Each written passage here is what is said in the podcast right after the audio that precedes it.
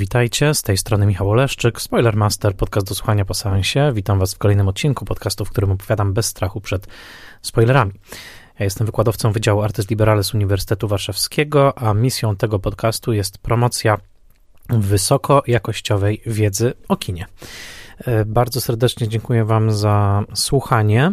E, tego odcinka w zasadzie miało nie być, od razu powiem, jest to odcinek wyjątkowy, inny, specjalny. E, miało nie być dlatego, że e, zeszłotygodniowy odcinek, odcinek o Ojcu Chrzestym 3, okazał się tak epicką produkcją z mojej strony, to znaczy no, trzygodzinny ponad odcinek, do którego nieprawdopodobnie dużo się przygotowywałem, więcej niż chyba do jakiegokolwiek innego odcinka. To były setki, setki przeczytanych stron, dziesiątki zapisanych stron notatek. Mam nadzieję też, że odcinek się spodobał, ale odcinek mnie tak wypompował, że myślałem sobie, nie, potrzebuję tygodniowej przerwy. Po prostu potrzebuję na chwilkę odsapnąć, bo, bo nie dam rady. No, nie spodziewałem się, że ta opowieść o najmniej lubianej mm, części trylogii Kopoli przerodzi się w opowieść o samym Kopoli. No zresztą odcinek możecie posłuchać, jest, jest już od tygodnia obecny. Natomiast, no tak, myślałem sobie, no to zrobię przerwę i, i powrócę po, po dwóch, dwóch tygodniach, ale w międzyczasie wydarzyła się ciekawa rzecz, mianowicie mm, odezwała się do mnie doktor Gabriela mm, Dopartowa, mm, wykładająca w Instytucie Polonistyki Stosowanej na Wydziale Polonistyki UW Uniwersytetu Warszawskiego i y, przypomniała mi, że y, dyskusja, w której, y, do której mnie zaprosiła, dyskusja, która odbyła się 5 grudnia ubiegłego roku, czyli 2022 roku, E, ona mi przypomniała, że ta dyskusja była nagrywana. E, a ponieważ dyskusja wyszła dosyć ciekawie, myślę że nawet, że chwilami bardzo ciekawie, dyskusja, do której mnie zaprosiła w ramach mm, spotkań pod tytułem Film i pytania retoryczne, które właśnie odbywają się w Instytucie Polonistyki Stosowanej UW, ta dyskusja się okazała tak ciekawa, że kiedy dowiedziałem się, że, że jest ten plik właśnie z nagraniem, E, od słowa do słowa porozmawialiśmy i e, ustaliliśmy, że w takim razie dlaczego nie podzielić się tym plikiem i dlaczego nie podzielić się tą rozmową nie tylko z tymi osobami, które były wtedy na sali, którym bardzo dziękujemy za obecność, ale wszystkim, którzy chcieliby e, posłuchać. I w ten sposób tak oto wpadłem na pomysł, że właśnie to surowe nagranie Mm, może być takim ciekawym odcinkiem Spoilermastera, bo jest w tym nagraniu, no właśnie, pewna surowość, tak? Słychać, że jesteśmy w sali, że pytania są zadawane mm, z różnych jej punktów i tak dalej. E, to wszystko jest taka swoistość tego nagrania, ale naprawdę myślę, że rozmowa rozegrała się bardzo ciekawa. Rozmowa o wielu rzeczach, o scenariuszach, o kinie, o, o tym, dokąd kino zmierza, jak się zmienia. E, co ciekawe, mm, mały spoiler, w trakcie tej rozmowy dałem swoje pełne świadectwo zgorzknienia i takiej utraty wiary w Stevena Spielberga, to był 5 grudnia e, ubiegłego roku i, i, i, ja mm, bardzo już nie wierzyłem, że cokolwiek ciekawego z ręki Spielberga wyjdzie. E, w międzyczasie, jak wiecie, mm, film Fablemanowie oczarował mnie, bardzo mi się podobał. Y, także jest to dowód na to też, że jak każdy mogę się pomylić w ocenie reżysera. Y, zresztą mm, wspominam też to w odcinku o Fablemanach, że byłem absolutnie zaskoczony tym, że Spielberg zrobił tak świeży film. Y, także to jest tylko taki mały spoiler, że możecie się, macie pełne prawo, żeby się uśmiechać pod nosem, kiedy wygłaszam tą swoją mm, tyradę Spielbergowską. Chociaż myślę, że rzecz nie jest tak prosta, to znaczy rzeczy, które tam mówię, wciąż do pewnego stopnia pozostają w mocy. Zobaczycie na jaki, jaki sposób Fablemanowie to jest nadal film, który, że tak powiem, szuka bardzo blisko tego, co jest, że tak powiem, pod nosem reżysera. Nie jest to film, który odkrywałby jakieś nowe e, wielkie horyzonty, ale to już nie jest teraz istotne. Ważne jest to, że cudownie się czasem też mylić i, i kiedy reżyserzy, których już niemal żegnaliśmy, y, sprawiają taką niespodziankę jak Fablemanowie, jest to fantastyczne. Y, powiem krótko, y, Gabriela Dopartowa mm, wykłada właśnie na, w Instytucie Polonistyki Stosowanej Uniwersytetu Warszawskiego na Wydziale Polonistyki co czyni nas w zasadzie mm, znajomymi z pracy, w tym sensie, że ja wykładam na Wydziale Artes Liberales Uniwersytetu Warszawskiego, tym przyjemniejsze było to spotkanie, ale też ono miało swoje źródła gdzieś o wiele wcześniej, mianowicie mm, Gabriela Dopartowa, która wówczas publikowała jeszcze jako Mariola Dopartowa mm, była moją wykładowczynią na Wydziale Zarządzania i Komunikacji Społecznej w Instytucie Sztuk Audiowizualnych Uniwersytetu Jagiellońskiego w Krakowie dwie dekady temu i to tam się poznaliśmy.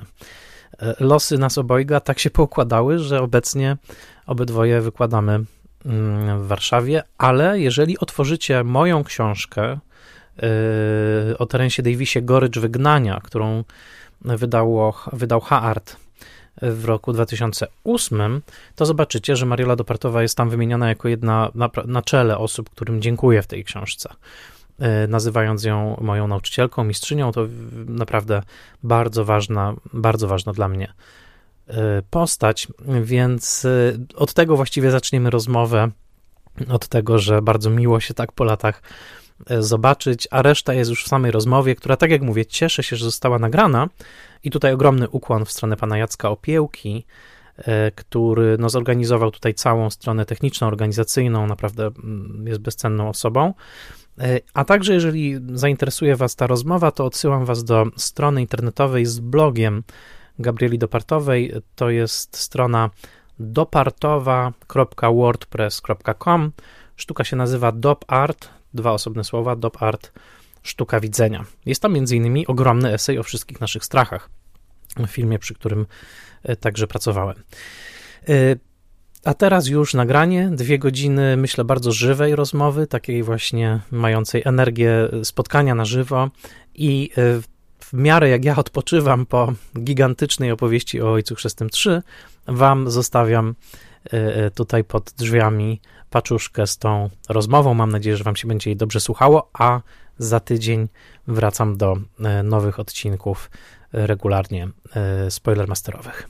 Także miłego słuchania. Proszę Państwa, tak, wydaje mi się, że przedstawianie, że przedstawianie naszego gościa i, i nie wiem, chyba z kartki pewne rzeczy, bo to długie bardzo musiała czytać, yy, chyba, chyba sobie odpuścimy i myślę, że jesteście tu, te osoby, które przyszły, to yy, mają bardzo konkretny powód i, i, i wiecie, dlaczego tutaj yy, jesteście i, i dlaczego podcast Michała jest jedną z najlepszych rzeczy w sferze mówienia o filmie, jakie się ukazały. Dzisiaj powiedziałam na zajęciach po II wojnie światowej, w związku z czym to powtórzę. E, I proszę Państwa, e, no, e, mieliśmy pierwotnie troszkę inaczej to zaplanowane. Oddaję pałeczkę Michałowi, bo sobie to wymyślił to nasze spotkanie po swojemu. Rezerwujemy sobie takie no, 45 minut do godziny E, e, naj, e, najpóźniej i postaramy się nie bajdurzyć o takich rzeczach, które Was, chociaż my byśmy sobie chętnie powspominali, ale Was to mniej interesuje. Więc nawet wspominając, będziemy się starali skupić na, starali się skupić na takich rzeczach, które, no, z wiedzy o nich, żeby jakaś korzyść dla Państwa wyszła. Tak ja na tę sprawę patrzę. I oddaję mikrofon podwójny Michałowi. Mam mówić rzeczywiście do tego, znaczy, czy... Nie, w tym sensie, że niech on sobie okay. stoi, bo on będzie nam ładnie tutaj okay, wzmacniał. Dobrze, czyli nie mam się jakoś nachylać. Nie.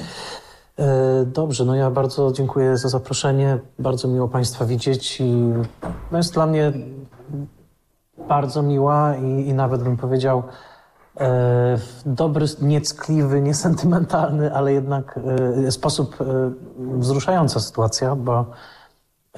Dla mnie też. Bo po pierwsze, widzimy się rzadko, fizycznie widzimy się rzadko z doktor Dopartową. Mm, rozmawiamy telefonicznie dosyć często. Już od paru dobrych lat przyjaźnimy się. Znamy się od 21 lat, ponieważ 21 lat temu, w 2001 roku, e, ja trafiłem na e, filmoznawstwo w Krakowie, w Instytucie Sztuk Audiowizualnych. Tam studiowałem i wtedy doktor Dobartowa tam wykładała. Mówię o tym dlatego, że Tylko raz to powiem i nie będę się rozwodzić, ale te zajęcia wtedy były dla mnie naprawdę najważniejszymi zajęciami. Takimi zajęciami, które otwierają głowę, które zadają pytania, które przebudowują jakiś paradygmat myślenia, tak bym powiedział najkrócej. I, I, dlatego tak sobie myślę, że jak ten świat się układa, że teraz jesteśmy na innych, obydwoje jesteśmy y, już, już nie w Krakowie, jesteśmy tutaj. Ja też wykładam na Uniwersytecie Warszawskim na Wydziale Artys Liberales, no i tutaj się spotykamy za tym stołem, więc jest w tym jakaś, jakaś, jakaś magia. Bardzo się z tego y, bardzo się z tego cieszę. Ja także doktor Departowej dedykowałem w pewnym momencie moją pierwszą książkę, książkę o Terensie Davisie, to już dobrych parę lat temu też wydała, e, została wydana, więc to spotkanie jest dla mnie na tym poziomie także ważne. Bardzo liczę też na, na pytania, oczywiście na to, że to będzie dialog, to, to, to, to, na to liczę najbardziej. Natomiast fakt, że spotykamy się właśnie w tej e, formule i że tematem gdzieś w tle jest scenariusz filmowy, ale nie tylko, gdzieś chyba styk w ogóle kultury filmowej i literackiej, tak bardzo teraz to szeroko ujmę, no od razu odsyła mnie w moich wspomnieniach właśnie do zajęć z literatury XIX i XX wieku, które, które prowadziłaś i które ja tak dobrze pamiętam. Y, I, I, trochę też powstało takie pytanie w mojej głowie, na które w, wspólnie możemy się postarać odpowiedzieć co się wydarzyło w międzyczasie, co się wydarzyło między tym 2001 rokiem a chwilą obecną, jeżeli chodzi o kulturę filmową, jeżeli chodzi też o kulturę pisania scenariuszy, ale także co się wydarzyło jakoś między naszymi rocznikami. E, rocznikowo dzieli nas dokładnie 20 lat, jeżeli chodzi o, o, o, o datę urodzenia, ale mam wrażenie, że, e, e, że przychodzimy trochę z różnych miejsc, jeżeli chodzi o właśnie o udział w kulturze literackiej, udział w kulturze filmowej. I to dobrze. I to dobrze, bo między nami myślę, że tutaj doszło do, do, do ciekawego spotkania. E, ja też dzisiaj mogę opowiedzieć trochę o swojej praktyce, o praktyce, jeżeli ktoś zapytał o podcastową, oczywiście chętnie, natomiast też o praktyce e, kierownika literackiego, konsultanta scenariuszowego, okazjonalnie także scenarzysty,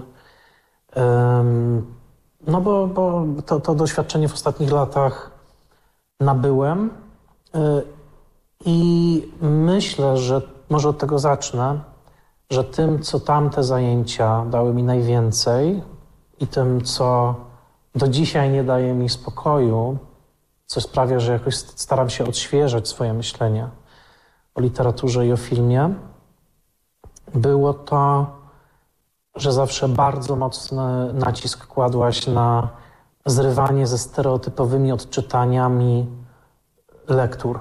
No, nie tylko lektur, ale powiedzmy takiego kanonu lektur szkolnych. Pamiętam bardzo dobrze, jak na którymś z pierwszych zajęć rozmawialiśmy o panu Tadeuszu, jak odkłamywałaś różne szkolne, takie właśnie odruchowe już niemal mm, lektury tego tekstu, i nagle się okazywało w trakcie tamtych zajęć przez przed wielu lat, że ten kanon szkolny ma zupełnie inne oblicze, może mieć zupełnie inne oblicze, jeżeli tylko zdejmiemy z niego ten podręcznikowy nalot pewnych punktów. Oczywiście w międzyczasie też się bardzo zmieniły te podręczniki, to swoją drogą i bynajmniej nie na lepsze. I y, myślę, że w mojej praktyce później y, pracy na przykład z innymi scenarzystami, y, czy pracy przy różnych projektach filmowych, E, ten twój taki bezcenny instynkt nieufności pewnej, takiego kwestionowania, ciągłego kwestionowania zastanych sądów, bardzo, bardzo mi się przydał. E, chyba tak bym, tak bym zaczął, e, a pamiętam, że w naszej rozmowie w pewnym momencie wyszedł temat Josepha Campbella i jego podróży bohatera. Czy, czy o tym mamy teraz Nie, wspomnieć? To, y, to sobie zostawimy. Na później. Na mhm. później. Także y, powiem tak. Ja zetknąłem się z kulturą filmową z bardzo różnych stron i to, to chyba mnie czyni takim dosyć, taką dosyć wyjątkową osobą. To znaczy, że ja mam spore doświadczenie i w krytyce filmowej, takiej pisanej, powiedzmy tradycyjnej, obecnie już jej nie uprawiam, i w nowych formach krytyki filmowej, powiedzmy, że tutaj głównie ten podcast, i organizacji festiwali filmowych, bo pracowałem długo dla festiwali także jako programer, jako dyrektor artystyczny, i w tych pracach około scenariuszowych.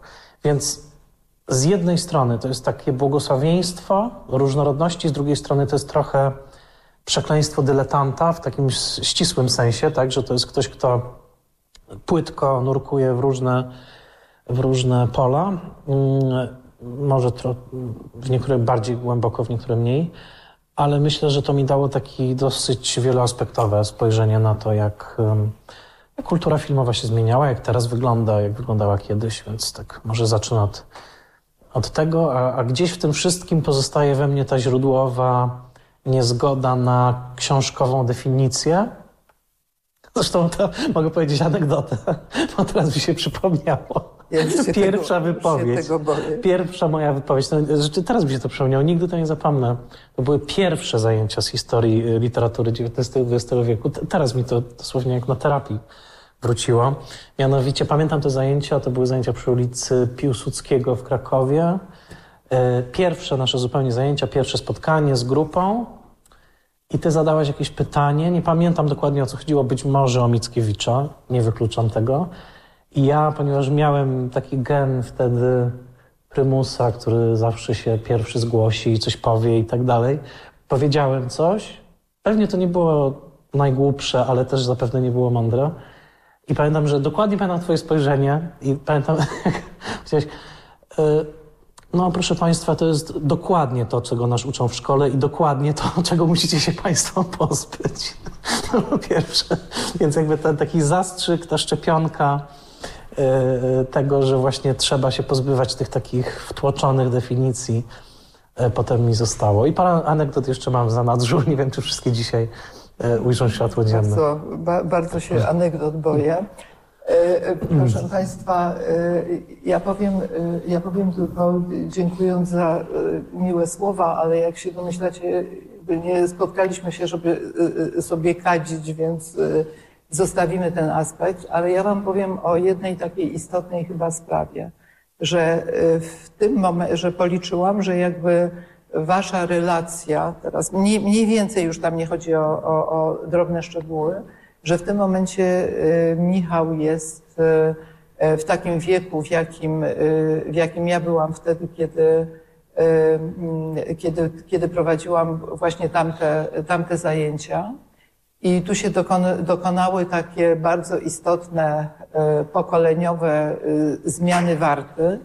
Natomiast wydaje mi się, że w ogóle ta różnica taka pokoleniowa 40-latkowie do 20-latków E, że to jest prawdopodobnie takie, e, takie spotkanie, e, które no, w moim odczuciu ma szczególną wagę, że ta czterdziestka w stosunku do dwudziestki jest, jest czymś takim, że człowiek zatacza gdzieś po jakiejś takiej spirali, robi taki, robi taki ruch, że na nowo dla niego są ważne pewne pewne, pewne kwestie, pewne, pewne pytania. Nabrało się oczywiście tutaj jakiegoś dystansu do nich i, i to jest y, też taki doskonały pomysł na, doskonały pomysł na konfrontację pewnych, pewnych stanowisk, że ja mogę powiedzieć, jakby od, od, odbijając piłeczkę, w odniesieniu do całego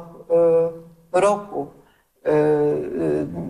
Twojego, że to był taki moment, w którym y, ja tak naprawdę, ja już wtedy chciałam zrezygnować z pracy, y, z pracy na uczelni po, po, y, książce, po książce o Holland i jakby mnie wtedy, wy mnie wtedy zatrzymaliście, tak, tak, tak, można, tak można powiedzieć. I z mojego punktu widzenia, to jak ja skorzystałam na, na, zajęciach w sensie właśnie dialogu, bo to bynajmniej tak nie było, że bez względu na to ja w savoir vivre nigdy nie byłam dobra, w związku z czym hamułowata wypowiedź w stosunku do Michała nie jest tutaj jakimś no, przykładem doskonałym tego, tego o, co w tym, o co w tym wszystkim chodzi, bo tak naprawdę to ja uważam, że E, że w tamtych latach właściwie ukształtowało się całe moje dojrzałe myślenie, ale pod wpływem rzeczywiście tego, tego dialogu, między innymi z tą, z tą twoją grupą i jeszcze paroma innymi, które były ostatnimi, które przeszły egzaminy wstępne, mm. przeszły to moim zdaniem zdrowe, zdrowe sito ale to, o czym, y, y, co, co, y, co uważam za... za... To, mogę, to tylko dodam, przepraszam, ale że właśnie ja, to był taki paradoks, bo ja nie przeszedłem tego sita, dlatego że ja wygrałem indeks w teleturnieju. I myślę, tak swoją drogą wtedy chyba też miałaś pewien dystans do mnie na początku z tego powodu, tak mi się wydaje, że wiedziałaś, że ja nie przeszedłem tego sita, ale, ale tak, znaczy, to jest bardzo ciekawe, co powiedziałaś, że ja mam takie też y, wrażenie, że ta, ten właśnie dystans 40-latków y, do 20-latków, 40-latka do 20-latka, to jest takie... Dopiero teraz to rozumiem, że jak, jak człowiek ma te 40 lat, to po raz pierwszy jest w stanie zacząć odpowiadać na pytania, które tak. pojawiają się w momencie, jak tak. się ma 20.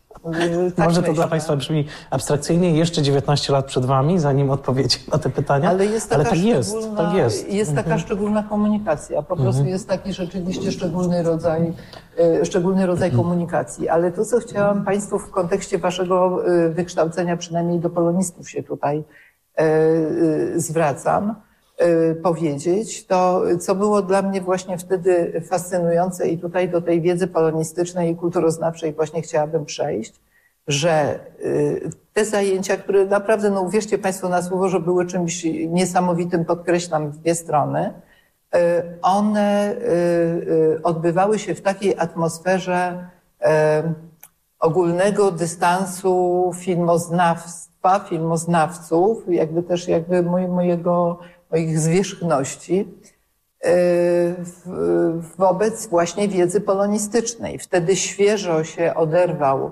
e, ówczesny, e, znaczy no nadal to się nazywa Instytut Sztuk Audiowizualnych od Wydziału Polonistyki.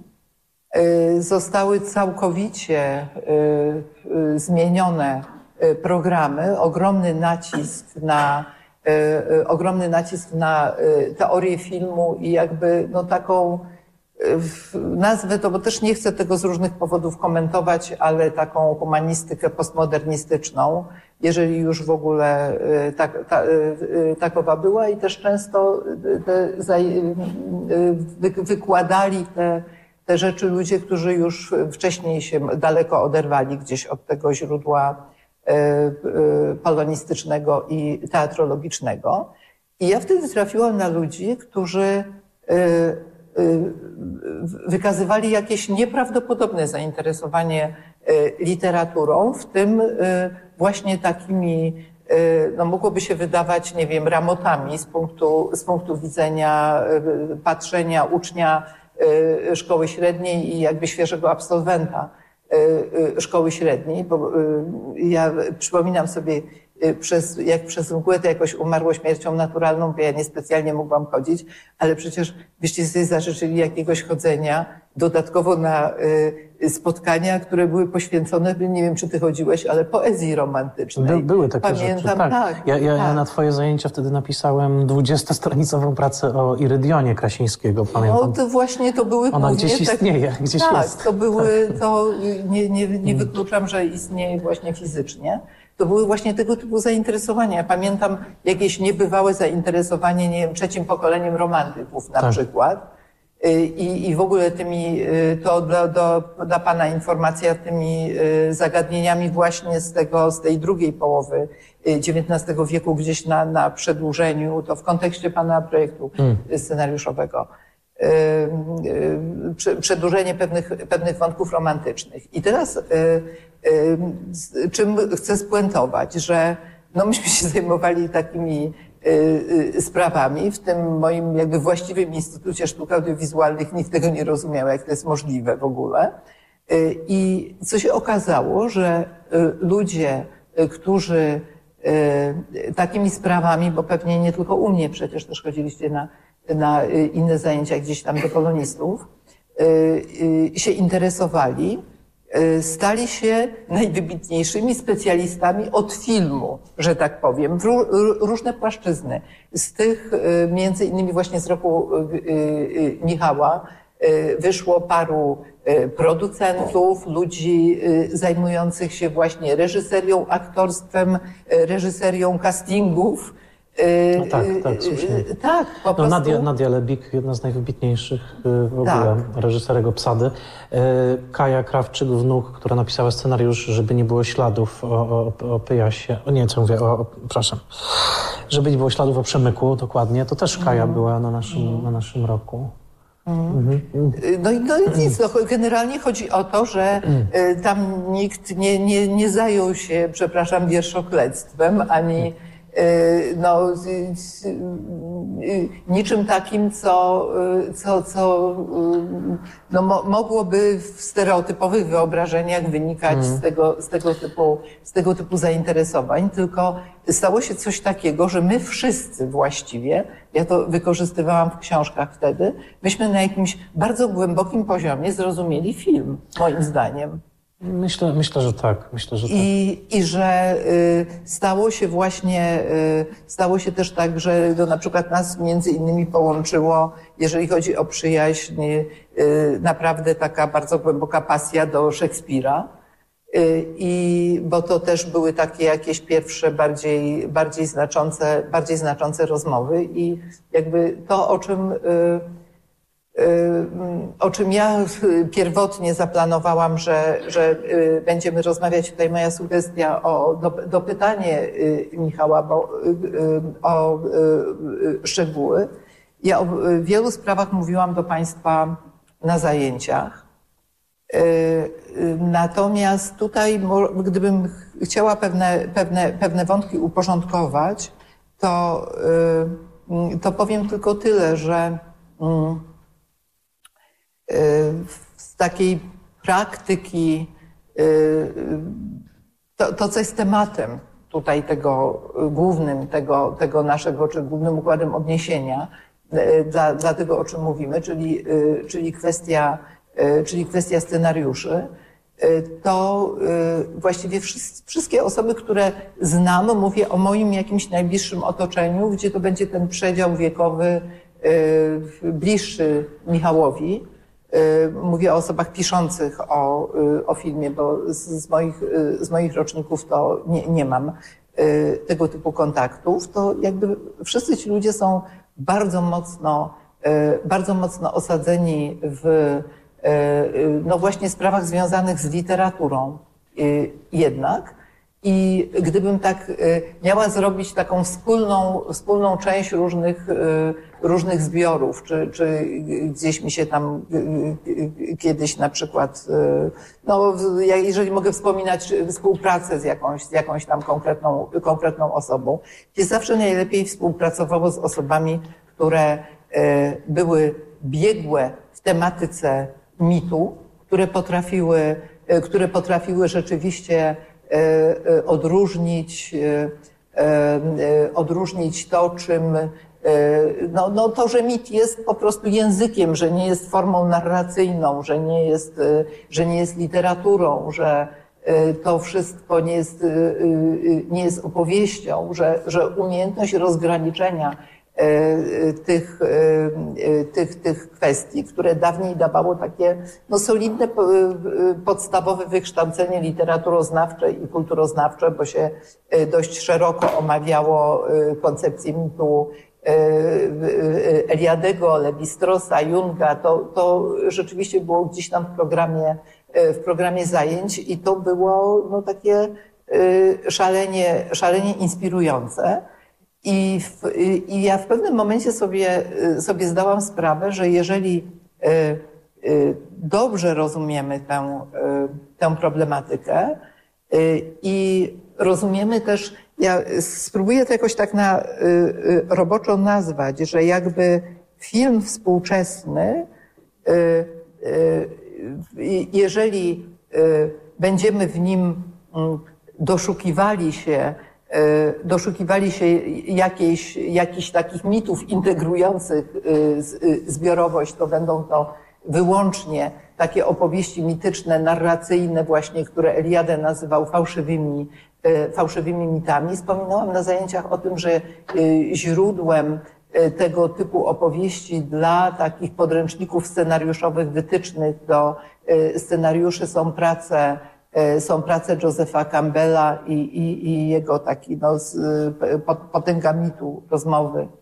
E, nie, niedawno się, z, z, nie pamiętałam tego, że nie, nie, niedawno się zorientowałam, że y, inspirowane przez, y, przez wdowę po prezydencie Kennedy i że y, jakby z, Y, przepraszam, bo zaczęłam w sposób typowy dla siebie mówić o trzech rzeczach. Jednocześnie ja chciałam powiedzieć, że y, mam wrażenie, że y, właśnie te mity takie bohaterskie, mity, mity, mity heroiczne z takim bohaterem działającym w rzeczywistości, który próbuje ją przekształcać, który zwycięża w tej, w tej rzeczywistości, one Y, dostarczają nam jakiejś, y, jakiejś wiedzy o, o, y, nie wiem, potrzebach współczesnego człowieka, poszukiwaniach współczesnego, współczesnego człowieka. O, możemy, możemy w takich historiach współczesnych, mitycznych, właśnie w scenariuszowych, w Campbellu osadzonych, możemy dopatrzeć się jakiegoś odbijania rzeczywistości, takiej, y, która, która nas otacza, ale nie jesteśmy w stanie y, tej rzeczywistości y, zrozumieć. Te historie, które, które, które oparły się o, o, o to nowe rozumienie mitów kultury, kultury współczesnej, nie pozwalają nam poznać samych siebie, nie dostarczają nam żadnej, żadnej prawdy o świecie, w którym żyjemy, tylko dochodzi do takiego sprzężenia zwrotnego, że y, tak naprawdę to widzimy, jak jakby filmy odbijają się w innych filmach mm. y, i y, to, co my bierzemy za y, rzeczywistość i obraz nas samych, to, to tak naprawdę, tak jak powiedziałam, gdzieś z tych, z tych innych Y, y, innych filmów wypływa. I gdybym się w tym momencie zastanowiła nad y, takimi, nad, nad jakby praktycznym związkiem tej, tej znajomości, tej znajomości mitu i zarówno takiej no, jakiejś tam praktyki Y, y,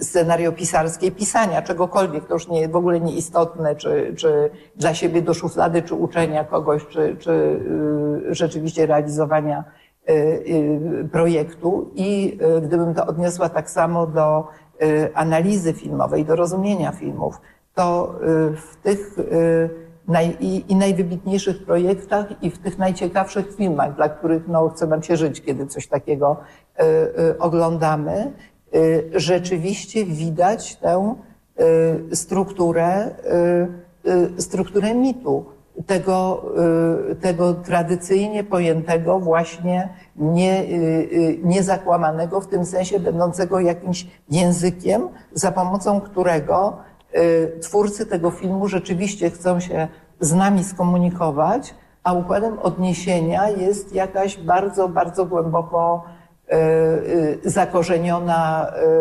zakorzeniona w kulturze jakaś no, prawda egzystencjalna, hmm. taka niezmieniająca się przez, przez wieki prawda, prawda o nas, o nas samych. I tutaj to, o co Ciebie chciałam, chciałam zapytać, chciałam prosić o Y, o komentarz i, i rozwinięcie, bo y, nie chcę tutaj być y, no, tendencyjna, bo oczywiście jest to mój pogląd na pewne, pewne sprawy, ale powiedz, czy ze mną się zgodzisz lub nie. Prawda naga jest tutaj hmm. interesująca, a, a nie takie no, przytakiwanie, e, że mm, my jesteśmy, ja o tym oczywiście do, do Państwa mówiłam na zajęciach, że jeżeli oprzemy się o e, takie struktury narracyjne, jakie no, w klasycznej, starej, dobrej narratologii występowały, gdzie mamy na przykład ten schemat narracyjny z bajki, z pracy o bajce magicznej propa, że jeżeli właśnie wykorzystamy naszą, naszą wiedzę o baśni, bajce, micie, rozdzielimy te rzeczy, nie będziemy mieszali rozmaitych porządków, jesteśmy w stanie pisać wręcz genialne scenariusze, a niekoniecznie jesteśmy w stanie Y, skorzystać ze schematów. Y, które, y, które no wnosi, wnoszą no podręczniki do, hmm. do scenariopisarstwa współczesnego. Hmm. Du, du, dużo tematów, ale, ale postaram się to nazwać. To znaczy, ten Campbell, mam wrażenie, że wszystkiemu winny jest George Lucas, tak, w pewnym sensie, bo to on użył Campbella E, pism, zresztą znał go, tak? E, tworząc Gwiezdne Wojny, tak? Czyli... Przepraszam, rozmo rozmowy e, Campbella z dziennikarzem moim, nie pamiętam jego nazwiska w tej chwili, one się przecież w willi Lukasa odbywały. No właśnie, na tak, tak, bo, bo Lukas zapraszał też Campbella i on był żywo tym zainteresowany. Tylko, że pamiętajmy, że Lukas przy całej sympatii do E, Gwiezdnych Wojen jako projektu zrodzonego z serca, bo to też trzeba powiedzieć, że to jest najbardziej, największy sukces w historii filmu zrobionego naprawdę ze szczerego odruchu, e, takiego jakiejś zabawy, też e, frajdy, opowiadania i tak dalej. No to jednak on faktycznie, on zapraszał tego Campbella i, i, i rozmawiał z nim, był zafascynowany jego, jego teoriami. Zresztą pamiętam, że ty napisałeś w latach 80. późnych chyba taki tekst właśnie o tym tak zwanym kinie nowej przygody amerykańskim na łamach miesięcznika Kino. To też odsyłam do tego tekstu. W każdym razie to był taki szczególny moment, bo trzeba pamiętać, że Lukas też ze swojego charakteru, ze takiego umysłowości jest takim rodzajem technokraty. Zresztą wystarczy zobaczyć na to, co, spojrzeć na to, co stworzył, tak? W postaci tego rancha, studia efektów specjalnych, Industrial Light and Magic, no on, on ma taki umysł bardzo technokratyczny, mm, mm, bardzo uporządkowany i tak dalej. Ale to moim zdaniem ma, miało bardzo niedobre konsekwencje na, na później, bo ten pierwsze takie zachłyśnięcie się tą campbellowską formułą właśnie podróży bohatera, prawda, to, to, to obiecywało coś niesamowitego. Rzeczywiście takie wręczenie klucza, który pasuje do każdych drzwi prawda, że przyłożymy ten campbellowski klucz do każdej opowieści, i w ka- ale, ale co się zaczęło, co się zaczęło dziać, to klucz zaczął kształtować ten zamek, tak, jakby i, i w pewnym momencie, e, na, oczywiście, jak to na świecie, jak to w kapitalizmie i tak dalej, wokół tego stworzył się cały mikro czy makro przemysł, prawda, różnych E, podręczników, prawda, e, poradników, lepszych i gorszych, bo niektóre z nich są dobre, niektóre z nich są słabsze, ale chodzi bardziej o to takie przekonanie, e, że właśnie do, że, że jest coś takiego jak taki kluczyk, do, które do każdych drzwi możemy przyłożyć i tam zawsze będzie ten, to, to szczęknięcie zamka nastąpi. I ja sam bardzo niektóre takie książki lubię, te, te poradnikowe. One mają w sobie jakiś taki urok, y, nawet dowcip czasami, y, które pokazują rzeczywiście, jak ta struktura, powiedzmy, mówimy o mainstreamowym kinie hollywoodzkim, tak, nie mówimy o kinie eksperymentalnym, y, jak ona, jak ona działa. A z drugiej strony widzę coś takiego, co dla mnie jest bardzo blokujące, co dla mnie natychmiast jakoś mnie wytrąca z rozmowy i, i, i zupełnie mnie na jakieś manowce prowadzi. Mianowicie takie bezrefleksyjne przyswojenie języka tych właśnie scenariuszowych podręczników, które potem widać na różnych spotkaniach, które się odbywa, bo ja miałem dziesiątki takich spotkań ze scenarzystami, z producentami, ze stacjami telewizyjnymi, że dosłownie jest tak, że tak jakby dużo osób przyswoiło ten, ten bryk, tak, tą taką broszurkę, powiedzmy, i wyciąga te, ci ludzie wyciągają te pojęcia trochę jak z kapelusza na tych spotkaniach, ale mam wrażenie często zupełnie z pominięciem istoty rzeczy, tak bym powiedział. Czyli e, gdybym miał sparodiować takie spotkanie scenariuszowo-produkcyjne, telewizyjne, to, to, to, to mniej więcej wygląda tak w najgorszym przypadku, takim, który naprawdę no, mnie natychmiast blokuje do tego stopnia, że najchętniej bym wycofał się z tego projektu. To jest właśnie coś takiego, kiedy ktoś wyciąga jeden z tych około campbellowskich narzędzi i mówi, no a gdzie tutaj w tym scenariuszu jest to, prawda? Czyli nie wiem, mhm. antagonista, tak? Albo y, przemiana bohatera, albo nie wiem, punkt, w którym bohater wszystko traci. I czasami takie ta, dobrze zadane pytanie może pomóc, jeżeli ono rzeczywiście jest dobrze zadane, ale wiele razy mam wrażenie, że to jest trochę tak przypadkowo wyciągnięte na zasadzie, no przepraszam, ja tu mam definicję obsługi pralki, a wy mi proponujecie pralkę, e, przepraszam, gdzie jest tam wlew czy cokolwiek, prawda? E, I, i trzeba w ogóle powiedzieć e, wtedy, że, że, to, że, że nie robimy pralki tak? Mówiąc, mówiąc pewnie yy, podstawowo, że, że nawet jeżeli, już pójdę w tą niezręczną metaforę, że nawet jeżeli naszym celem jest upranie tych ubrań, to wcale nie znaczy, że trzeba budować pralkę automatyczną. Może są różne techniki prania, tak?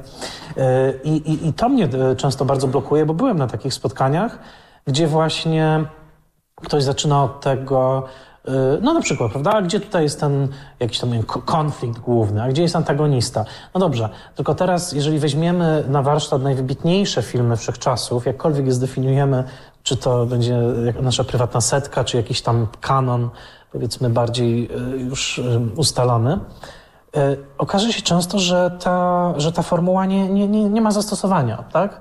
Jakby jak, jak przyłożyć tę formułę do filmu takiego, no i teraz Mówię, nie wiem, na przykład jak dyskretny urok burżuazji Buñuela, albo z nowszych przykładów niektóre filmy Hanekego. Można by mnożyć i mnożyć przykłady filmów, które po prostu nie wypełniają tej formuły. Tak, po prostu jej nie wypełniają. Ale, ale dotykają tego, co nazwałaś tą prawdą egzystencjalną na inny sposób, w jakiś inny sposób, zaskakujący, właśnie wywracający tą taką już naprawdę gniotącą, e, ugniatającą nas wszystkich, bo skąd to się też bierze, dodajmy, to się trochę bierze z takiego korporacyjnego myślenia, które w, naszych, w naszym czasie jest już bardzo, bardzo zakorzenione. E, człowiek korporacji, czy to jest telewizja, czy to jest wiem, firma producencka, czy cokolwiek, człowiek korporacji musi pod koniec dnia wpisać coś do tabelki, tak? Musi wpisać coś do jakiegoś raportu o tym, jak, jak tam scenariusz się rozwija, prawda? I no niestety takie korporacyjne myślenie, ono może mieć swoje zalety, ale ono też ma bardzo solidne wady. Właśnie w tym, że czasami ten Campbell, czy ten Sitfield, czy, czy inni nie są w stanie sformułować tego pytania, które jest najważniejsze do tej opowieści. Po prostu. Bo to pytanie będzie brzmiało trochę inaczej. To nie będzie pytanie koniecznie o punkty kulminacyjne, to nie będzie koniecznie pytanie o stawkę, ulubione pytanie, od którego często się zaczyna spotkanie scenariuszowe, gdzie tu jest stawka. Ale co to pytanie tak naprawdę oznacza? Tak, jakby to jest o czym, o czym mówimy. Więc to jest jedna rzecz. A druga, jeszcze tylko to dopowiem, że zauważyłem, co dla mnie jest najbardziej inspirujące, to, y, czytanie, czy jest, jest taki szczególny rodzaj inteligencji, szczególny rodzaj umysłowości, ale także szczególny rodzaj erudycji ludzi, którzy myślą propem, tak bym powiedział, Władimirem propem, ale nie dlatego, że wykuli na pamięć definicje propowskie, tylko dlatego, że ich autentycznym źródłem pasji, frajdy, ciągłego poznawania mitu jest obcowanie z kolejnymi opowieściami, bardzo różnymi, pochodzącymi z różnych części świata, z różnych kultur, z różnych czasów. I ci to są ludzie na wagę złota, bo tych ludzi jest bardzo mało którzy potrafią, na przykład, kiedy pracujemy nad jakąś opowieścią, nad jakimś filmem, nad jakimś projektem, dobrze dobrać tak zwaną referencję, czyli wskazać na inną opowieść, nie wiem, napisaną na przykład 200 lat temu przez kogoś, która dotyka tego samego problemu, albo która ma bohatera, który jest trochę podobny. I takim, teraz mi przychodzi do głowy akurat, bo świeżo z nim rozmawiałem jakieś parę dni temu, takim, takim właśnie e, geniuszem gromadzącym, chomikującym te różne opowiastki, opowieści jest akurat Jan Gondowicz, tak? który, który kiedyś zresztą pisał recenzje filmowe do, do mhm. tygodnika Film dawno temu. teraz on się zajmuje literaturą, jest też tłumaczem, ale e, po, po, czy, czytając jego recenzję z lat 90., polecam nawet takie ćwiczenie, można zajrzeć, jest strona Filmo, Filmopedia, gdzie są zeskanowane całe, nie całe roczniki, ale jest dużo tych, tych numerów. Tam on uprawiał taką dosyć oryginalną krytykę filmową, znaczy pisał o bardzo mainstreamowych rzeczach. Kevin sam w domu, jakieś takie naprawdę sedno mainstreamu, ale przykładał do tych filmów miarę właśnie tych różnych zapamiętanych opowieści z różnych części świata. I pamiętam, przy Kevinie samym w domu chyba odwołał się nawet do jakiejś rosyjskiej bajki, podobnie skonstruowanej właśnie, tak, że mały chłopiec musi obronić chatkę swoich rodziców, coś takiego. A, a, a przy, przy, filmie Telma i Louis też przygotował przy, jakiś ciekawy przykład indiańskiej z kolei legendy o, o, o dwóch Indiankach, które uciekały tam przed, przed prześladowcami. Jakby on to porównał właśnie z tą strukturą dwóch kobiet uciekających przed wymiarem sprawiedliwości w filmie Telma i Louise. I powiem tak, jedno takie skojarzenie Jana Gondowicza potrafi otworzyć więcej klapek w głowie i potrafi otworzyć ten proces na ciekawsze rzeczy niż, że tak powiem, ktoś, kto przychodzi z tą ekierką, linijką, cokolwiek to jest i mówi, a gdzie tu jest stawka, a kim jest ten bohater, bo okazuje się często w trakcie takich spotkań, że odpowiedzi na te pytania bywają bardzo ubogie, tak? Takie y, y, posługują się stereotypami jakimiś, prawda? Jakby cze, czego chce bohater, czego chce bohater. Trzeba o tym rozmawiać. Tylko, że pytanie, jak o tym rozmawiamy? I pytanie, czy koniec końców tą, tym zaczynem ma być właśnie, że tak powiem, kartka wydarta z podręcznika campbellowskiego, czy, czy, czy właśnie czy właśnie powiedzmy coś z uniwersum Jana Gondowicza, ja teraz to oczywiście nazywam bardzo, bardzo umownie, no ale zamieniam teraz Jana Gondowicza na kogoś, po prostu kogoś, kto faktycznie chłonie opowieści, yy, ale w taki sposób właśnie egzystencjalny, empatyczny, na głębokim poziomie rozumiejąc właśnie tą prawdę, o której wspomniałaś. To znaczy, że egzystencjalnie jesteśmy tak usposobieni, żeby szukać w opowieściach tego rezonansu, takiego echa, jakiejś harmonii z tymi pytaniami, które sobie zadajemy, z tymi pytaniami, które nas drążą. No i, no i właśnie, kiedy ta harmonia następuje, to dzieje się coś bardzo, bardzo yy, dobrego. Yy.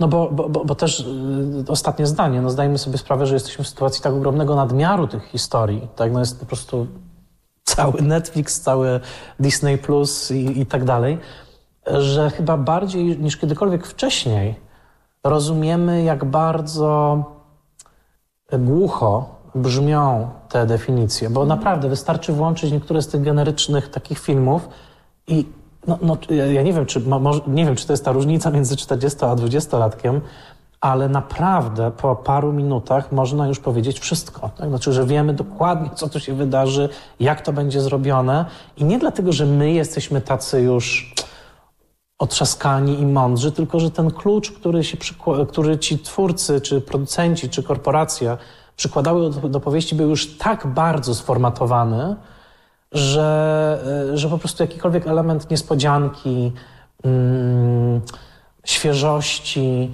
nie wiem, jakiegoś nawet dyskomfortu, tak, z tego, że, że nie wiemy, jak to się zakończy. Po prostu nie wiemy. Nie wiemy do końca, prawda, jak tutaj, jaka konwencja jest zastosowana, że to po prostu trochę wyparowuje.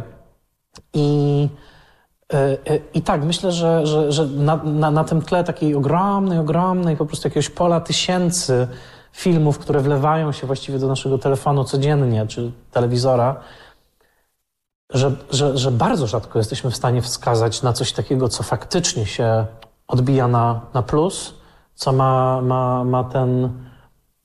No właśnie, jest, jest trochę nie z tej linijki, że tak powiem, czy, czy, czy sztancy. Więc chyba tak bym tak bardzo w dużym skrócie mm, odpowiedział. Ja myślę, że y, dziękuję bardzo za tę, za tę wypowiedź rozbudowaną, także dlatego, że y, proszę Państwa, myślę, że Wy chyba doskonale sobie zdajecie sprawę y, z tego faktu, że jeżeli w tych Waszych pracach scenariuszowych, ja się zwracam tutaj do całego szeregu naprawdę niesłychanie utalentowanych, obiecujących,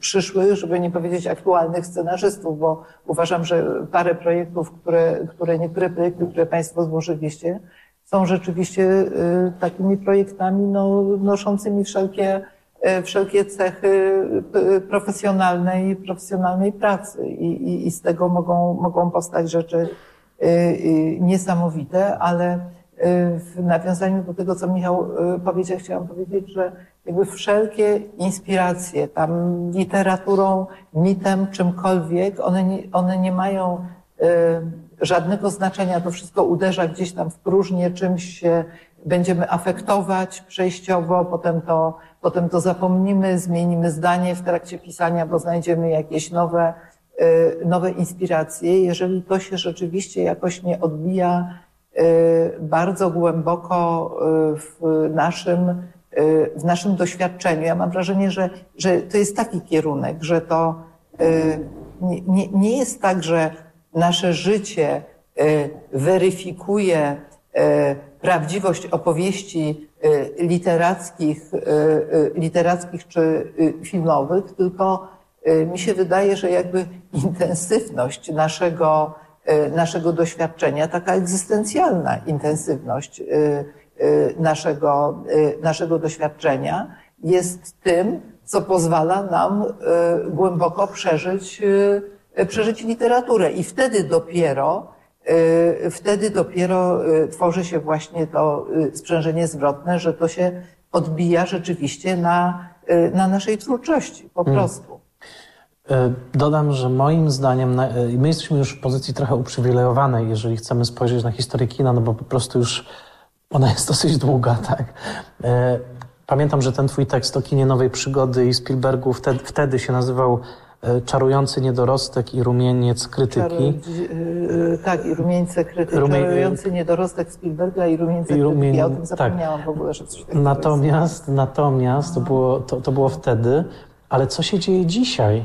Bo moim zdaniem to jest najlepsza, najlepszy wskaźnik tego, że ta droga, nazwijmy Lukasowsko-Spielbergowska, mimo że absolutnie lukratywna, powiedzmy sobie do dzisiaj, że tak powiem, absolutnie, ale że ona się jednak do, w pewnym sensie okazała fa fałszywą ścieżką, tak? czy, czy taką e, ślepą uliczką. No Spielberg właśnie skończył kręcić piątego Indiana Jonesa z 80-letnim Harrisonem Fordem, który no, co prawda chciałbym może dzisiaj wyglądać tak, jak on wygląda, kiedy ma 80, w sensie być w takiej dobrej formie, ale to nie o to chodzi. Jakby jest w tym taki solipsyzm, tak? Znaczy oni się mhm. rzeczywiście zamknęli, co robi Spielberg? No robi remake West Side Story, tak? Teraz, co już jest absurdem absolutnym, robi e, remake Bulita, tak? Czyli e, świetnego filmu akcji z, z Steve'em McQueenem z 68 roku.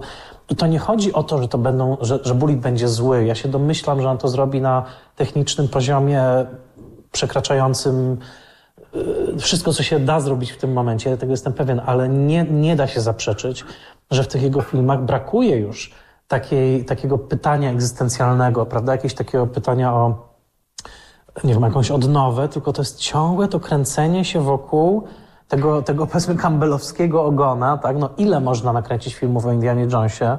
Yy, yy, nawet jeżeli będzie sprawny, dobry, no, no to, to i tak samo zresztą Lukas, który też już, no Lukas to, to też smutne, ale on po Gwiezdnych Wojnach nie zrobił już w zasadzie nic innego, tak? Znaczy poza Gwiezdnymi Wojnami. A, a, wystarczy zobaczyć jego wczesne filmy, jaka tam była obietnica w tym człowieku, tak? Znaczy nie odmawiając mu Gwiezdnych Wojen, które są naprawdę, zwłaszcza pierwsze są świetne, ale, ale jaka tam była obietnica w człowieku, który robił krótkie filmy inspirowane awangardą, który zrobił e, e, amerykańskie graffiti, które było bardzo, bardzo nietypowym, ciekawym portretem młodych ludzi w Stanach. E, on potem no, już rzeczywiście zamknął się w tej jednej ścieżce rozwoju tego uniwersum, tych efektów specjalnych. E, e, I jedynym twórcą, który wydaje mi się i zapłacił za to słoną cenę swoją drogą, który uniknął tego zaszufladkowania, a jednocześnie nie może się porównać, y, jeśli chodzi o obecne sukcesy z tamtymi. To jest Coppola, prawda, który w pewnym momencie y, no, zaczął, wiadomo, od ojców chrzestnych i tak dalej, różnych innych rzeczy, ale, ale on naprawdę przez całe lata późne 70., 80., 90., często rozbijając się finansowo, yy, ponosząc ogromne ryzyka, ogromne straty, ale jednak cały czas próbował odnawiać tę formułę. Coppola jest kimś, teraz zobaczymy, no właśnie tworzy nowy film, tak, pod tytułem Megalopolis, ale, ale wiem, że jakikolwiek ten film nie będzie, to to na pewno nie będzie taki właśnie późny film Spielberga, prawda, w którym wiemy dokładnie, jak te karty będą... Sam to finansuje, tak, ale wystarczy spojrzeć na całą jego historię od czasu apokalipsy, który był takim strasznym ryzykiem i odbił się na jego zdrowiu i tak dalej, że on cały czas, jak to się mówi po angielsku, e, taking chances, tak, czyli po prostu ryzykował, cały czas ryzykował. Spielberg naprawdę od pewnego momentu przestał ryzykować. Tak? Znaczy myślę, że tym momentem głównym było nakręcenie, znaczy dla mnie to jest koniec jego kariery, taki już potem są drugiego parku jurejskiego, tak? czyli tego zaginionego świata, bo, bo to już nie było potrzebne. E, I później, to wiadomo, są lepsze momenty, są gorsze. E, próbuję czegoś ciekawego w Lincolnie, ale ogólnie to już jest e, równia pochyła. I teraz wracam do tego, no być może ten mit założycielski trochę był skrzywiony, czyli ten mit, powiedzmy, ten campbellowski. No właśnie, bo, bo, bo on, też, on, on też miał jakąś, mam wrażenie, wtedy potrzebną funkcję, tak? To znaczy, nie bez powodu Lukas sięgnął po tego Campbella, nie bez powodu Campbell zarezonował w tej połowie lat 70. w Stanach. Ameryka wtedy bardzo szukała jakiejś nowej tożsamości, jakiejś nomen omen nowej nadziei, y, bo to był trudny czas ekonomicznie, politycznie i tak dalej. Y, no już nie będę teraz się rozwodził pod tym względem. Natomiast y, tak, myślę, że, że starzenie się tych twórców nie jest, nie jest wesołym spektaklem. Znaczy to, to nie jest tam tam nie ma takiego nabywania mądrości, czy jakiegoś takiego, tylko, tylko jest ciągłe to krążenie w tym, w tym kołowrotku właśnie tych y, bardzo, bardzo mam wrażenie ograniczonych yy, myślowo schematów. Panie Ignacy chce tak. o coś zapytać. Tak, już, chyba już nawet powinniśmy tak otworzyć, że tak, tak. Nie wiem, ja się po prostu zastanawiam, bo na pewno zamknięcie się w pewnym typie historii, czy, czy takiej dość przewidywalnej narracji, to może być jedna z win, ale czy druga to nie jest po prostu samo, jakby to powiedzieć, no, odgrzewanie starych kotletów, tak? Czyli jeśli mówimy o prequelach, sequelach i tak dalej, do jakiejkolwiek historii, no to czy zamiast tego nie jest lepiej po prostu wziąć inną historię, nawet zrobić ją według tego samego, według podobnego schematu, tak? Bo ja, ja na przykład jestem wielkim zwolennikiem różnych bajek od DreamWorksa, tak? Kung Fu Pandy, jak interesować smoka i tak dalej, gdzie one stosują te same schematy, a jednak za każdym razem y, ludzie czekają, ludzie nie mogą się doczekać tego, co będzie dalej, tak? I za każdym razem to jednak zachwyca do pewnego stopnia, więc ja tutaj się zastanawiam, na ile nie jest to nakutknięcie w pewnych takich właśnie jakimś w tym rzeczywiście uniwersum, które się kocha, nieważne czy to będą Gwiezdne Wojny, Park Jurajski czy, czy Indiana Jones, tak? Czy, czy tam, nie wiem, e, jak się to nazywa, e, Terminator, tak? czy, czy, czy może lepiej zostawić te historie takie, jakie były, a one zachwycały za tym pierwszym razem i spróbować wypłynąć na nowe wody, tak? Tak, logika to prawda, ale logika sequeli oczywiście jest logiką rynkową w sensie ścisłym, tak? Jakby te kontynuacje po prostu to są, to są naprawdę. I oczywiście znowu to, mówię to jako ktoś, kto zakochiwał się w kinie właśnie dzięki tym filmom, tak? Dokładnie jestem tym pokoleniem VHS-ów, Indiana Jonesa i tak dalej, i tak dalej. Więc to, to wszystko jest prawda, tylko.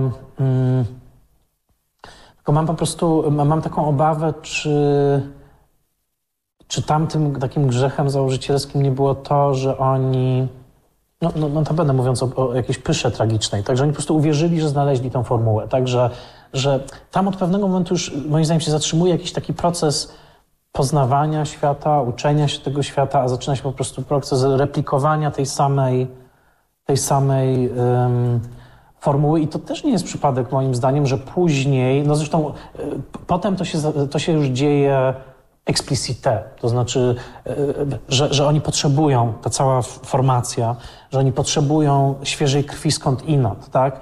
I, i nie wiem, no Scorsese, którego trzeba trochę tutaj odsunąć, bo inaczej jednak działał, ale on sięga, prawda, po, po ten e, Internal, Internal Affairs, trylogię z Hongkongu, robi remake tego filmu, dla niego dostaje Oscara, myślę o filmie Infiltracja, który był remake'iem, e, dobrze mówię, prawda? Filmu, tak. tak.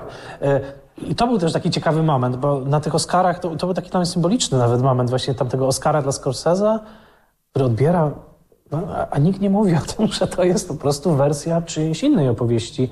wręcz remake, no po prostu remake.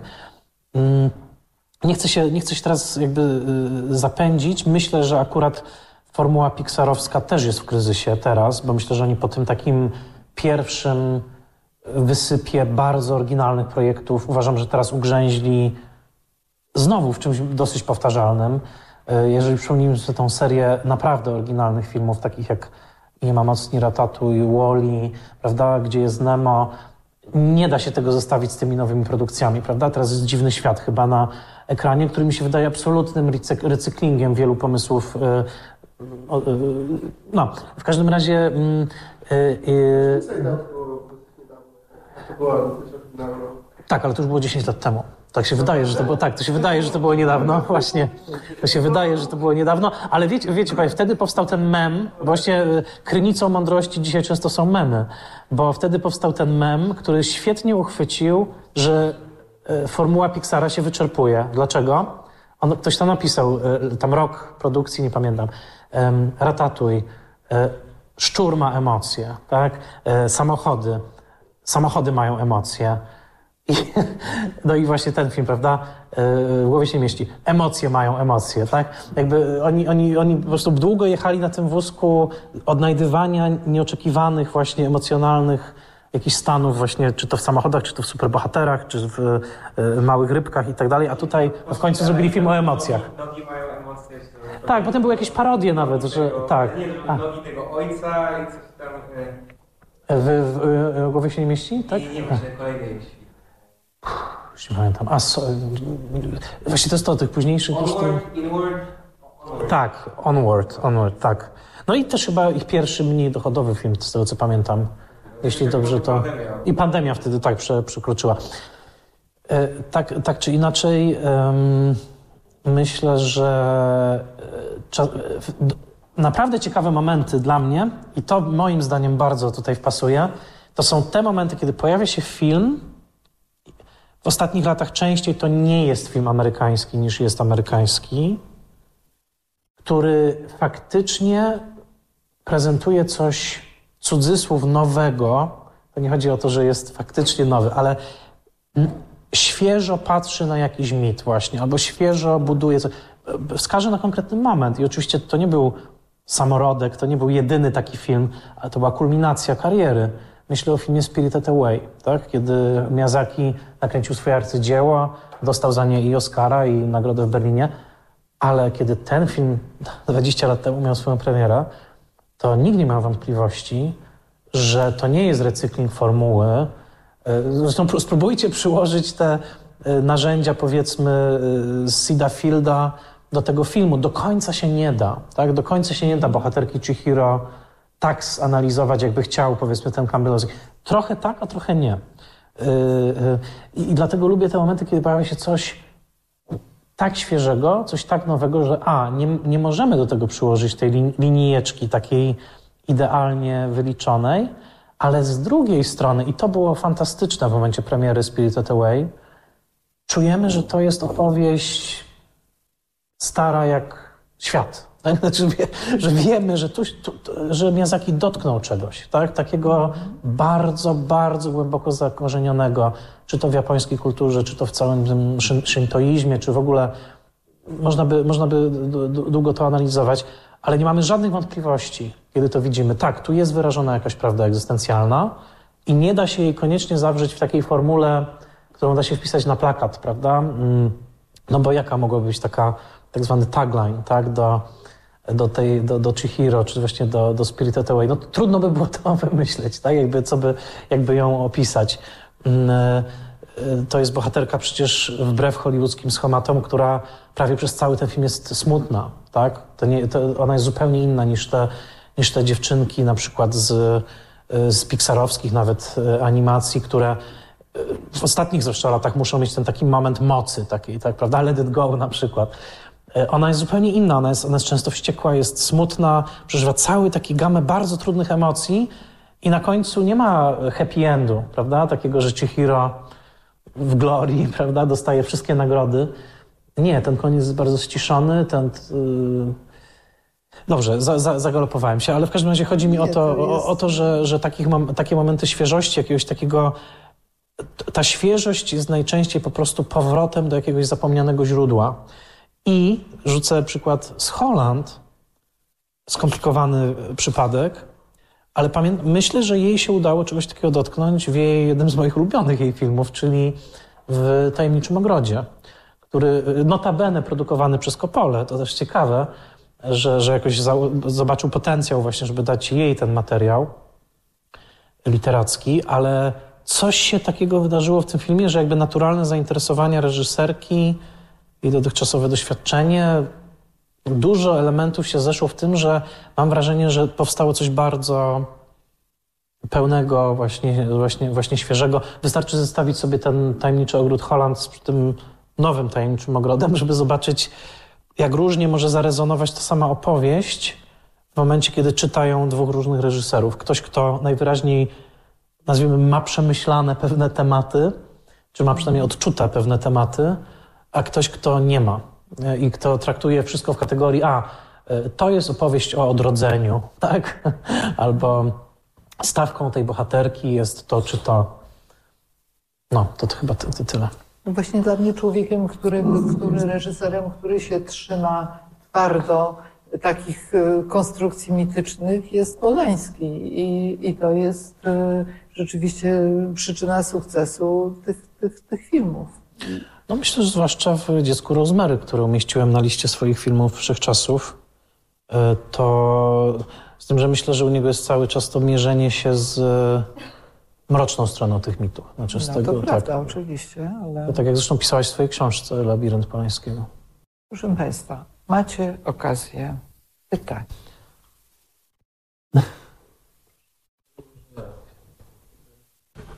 Ja mam takie pytanie, e, ponieważ e, bo pan, e, Pana wykształcenie jest ogólnie filmoznawcze, prawda? Pan nie ma wykształcenia scenopisarskiego, tak jak można przeczytać. kończyłem żadnego kursu scenariuszowego. Tak, po prostu, tak, no to mm, takie mam pytanie, bo, bo Pan y, jednocześnie jest y, skip doktorem po prostu, tak? No, jakby, y, no to na podstawie tego Pana doświadczenia, i, jest, jeśli chodzi oczywiście o studencką sprawę i, i prak, praktyczną y, jako skip doktor, no to e, czego najbardziej co jest najważniejsze z, z czysto subiektywnego Pana punktu widzenia, jeśli chodzi po prostu o umiejętności scenopisarskie, bo jaka sytuacja jest z, z, ze scenariuszem, no to każdy wie, jak nam mówią, prawda, I, na ten temat i, i, i jednak czegoś tutaj brakuje. I, i czego Pana odczuciu najbardziej brakuje właśnie scenarzystom? Czy tej wiedzy, e, powiedzmy właśnie na przykład filmoznawczej, czy na przykład wiedzy ogólnej, tak jak mówimy to tutaj o samej przedmiocie kultury polskiej, generalnie kultury, e, czy po prostu tej praktyki, tych, tych umiejętności po prostu samego pisania, które się nabywa e, po prostu przez rzemiosło. Mm. E, To jest trudne, trudne pytanie. Ym, Czego brakuje? Ym, Czego brakuje? Myślę, że często brakuje skali odniesienia, jakiejś takiej ym, rozpiętości odniesień e, filmowych też. Ym, hmm jakby to nazwać. y,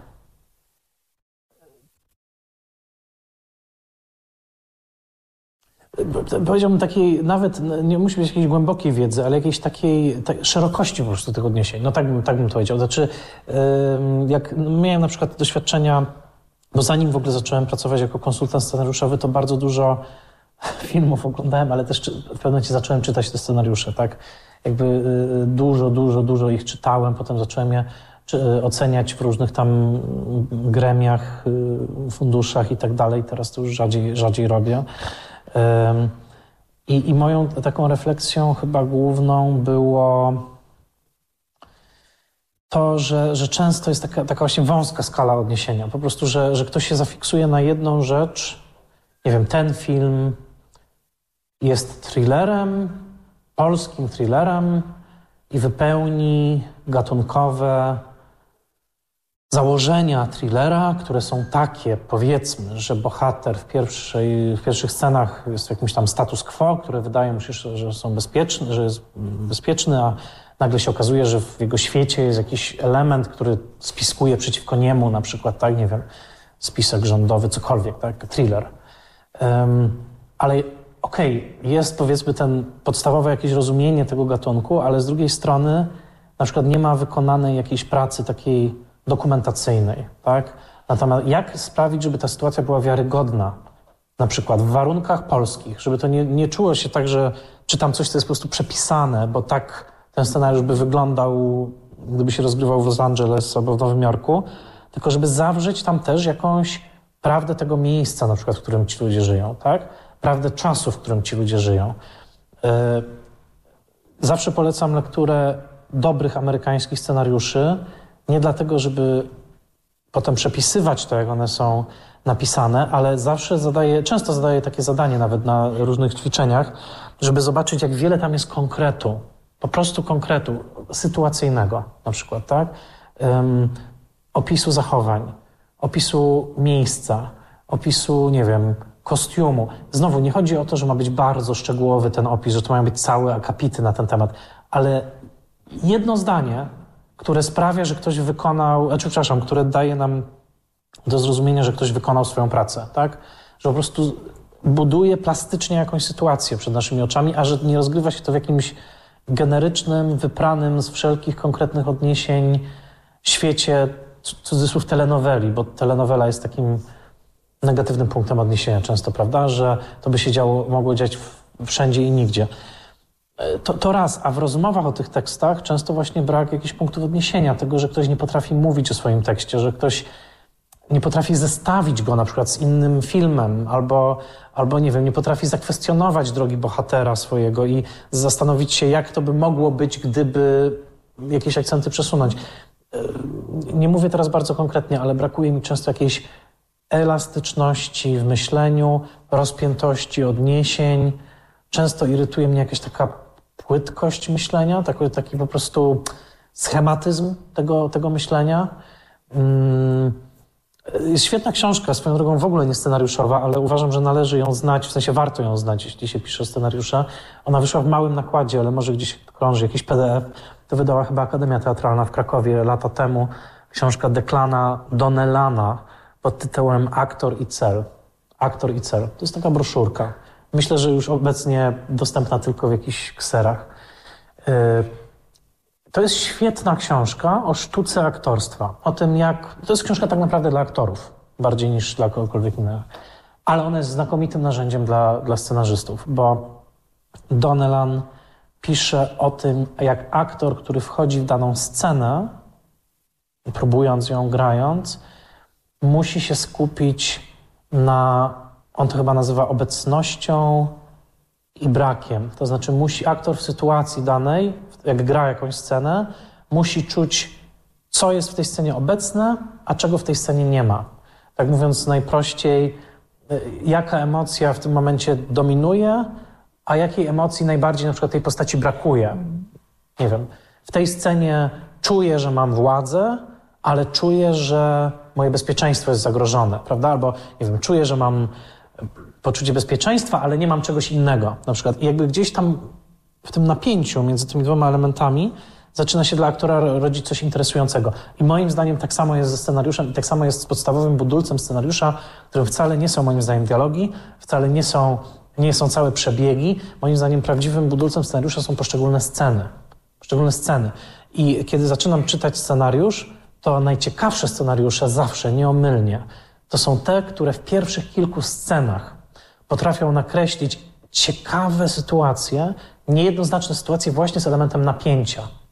Właśnie z elementem napięcia. Niekoniecznie napięcia pojętego jak horror, tak, czy thriller, że się boję, ale czuję, że coś tu się dzieje, tak, że ten bohater robi... Tajemnica, tak, bohater robi jedno, mówi drugie, tak, deklaruje to, a jednocześnie jego akcja, tak, jego, jego, to co robi jest jakoś sprzeczności, albo w jednej scenie mówi A, w drugiej B, a w trzeciej C jak to ze sobą pogodzić, prawda? I często jest tak, bo na różnych konkursach scenariuszowych można e, podpytać jurorów, po ilu stronach wiedzą, że coś będzie interesujące. I niezmiennie, niezmiennie wszyscy mówią, że po pięciu stronach już wiedzą. Że po prostu to, że już wiadomo, że jeżeli na tych pięciu stronach, czy sześciu, czy siedmiu, czy ośmiu, nie wydarzy się nic, i nie chodzi o to, że nie wiem, komuś spada na głowę kowadło albo samochód w kogoś wjeżdża, nie chodzi o samo zdarzenie, tylko nie zaistnieje to napięcie, prawda, przez jakimiś elementami, które wydają się ze sobą nie zgadzać, ale cały scenariusz pokaże, jak te elementy z siebie wynikają, prawda?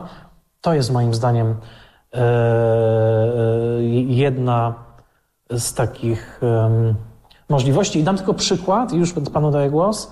E, Akurat rzecz o proweniencji teatralnej, więc ktoś by mógł powiedzieć, ach, to teatralny chwyt, ale bardzo prosty przykład. Początek filmu 12 Gniewnych Ludzi. rzecz się dzieje w sądzie, rozmowa przysięgłych i tak dalej, ale bardzo prosta rzecz. E, Pierwsza scena jest bardzo banalna.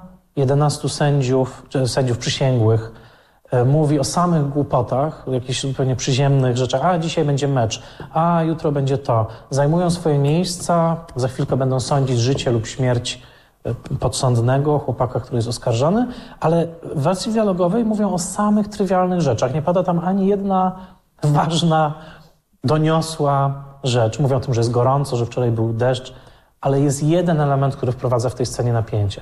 Tym elementem jest to, że jeden z nich, sędzia numer 8, stoi przy oknie, wygląda przez okno i się nie rusza przez całą tą scenę. Oni są zajęci tym ruchem, jakimiś właśnie trywialnymi rzeczami, a on cały czas stoi za tym ok- przed oknem, patrzy, nie rusza się. Dlaczego? Dlatego, że on jedyny będzie miał wątpliwości, on jedyny zacznie pytać, czy rzeczywiście ten chłopak to zrobił i tak dalej, i tak dalej. Ale mówię tylko o tej prostej sytuacji, która też obrazowo jest ciekawa. 11 facetów krąży jak pszczoły w ulu, a ten jeden stoi i jest myślami gdzie indziej. I to już wprowadza ten element, hmm, to gdzie są w takim razie te jego myśli, tak? To o czym on, on myśli? No zaraz nam powie. I okaże się, że to, o czym myślał, uratuje życie chłopaka, którego w tym momencie sprawa jest sądzona. Ale to jest taki... Ktoś to nazwał e, ziarnkiem piasku, wokół którego się formuje potem perła, ale pamiętajmy, że to ziarnko piasku w tej nie o, małży, tak? Czy co to jest ostryga? Gdzie się to... Boże. E, że to, że przecież to nie jest coś pożądanego przez ten organizm, tak? To ziarno piasku jest zanieczyszczeniem. Jest czymś, właśnie to jest coś obcego, coś, co wprowadza napięcie. W małży, no.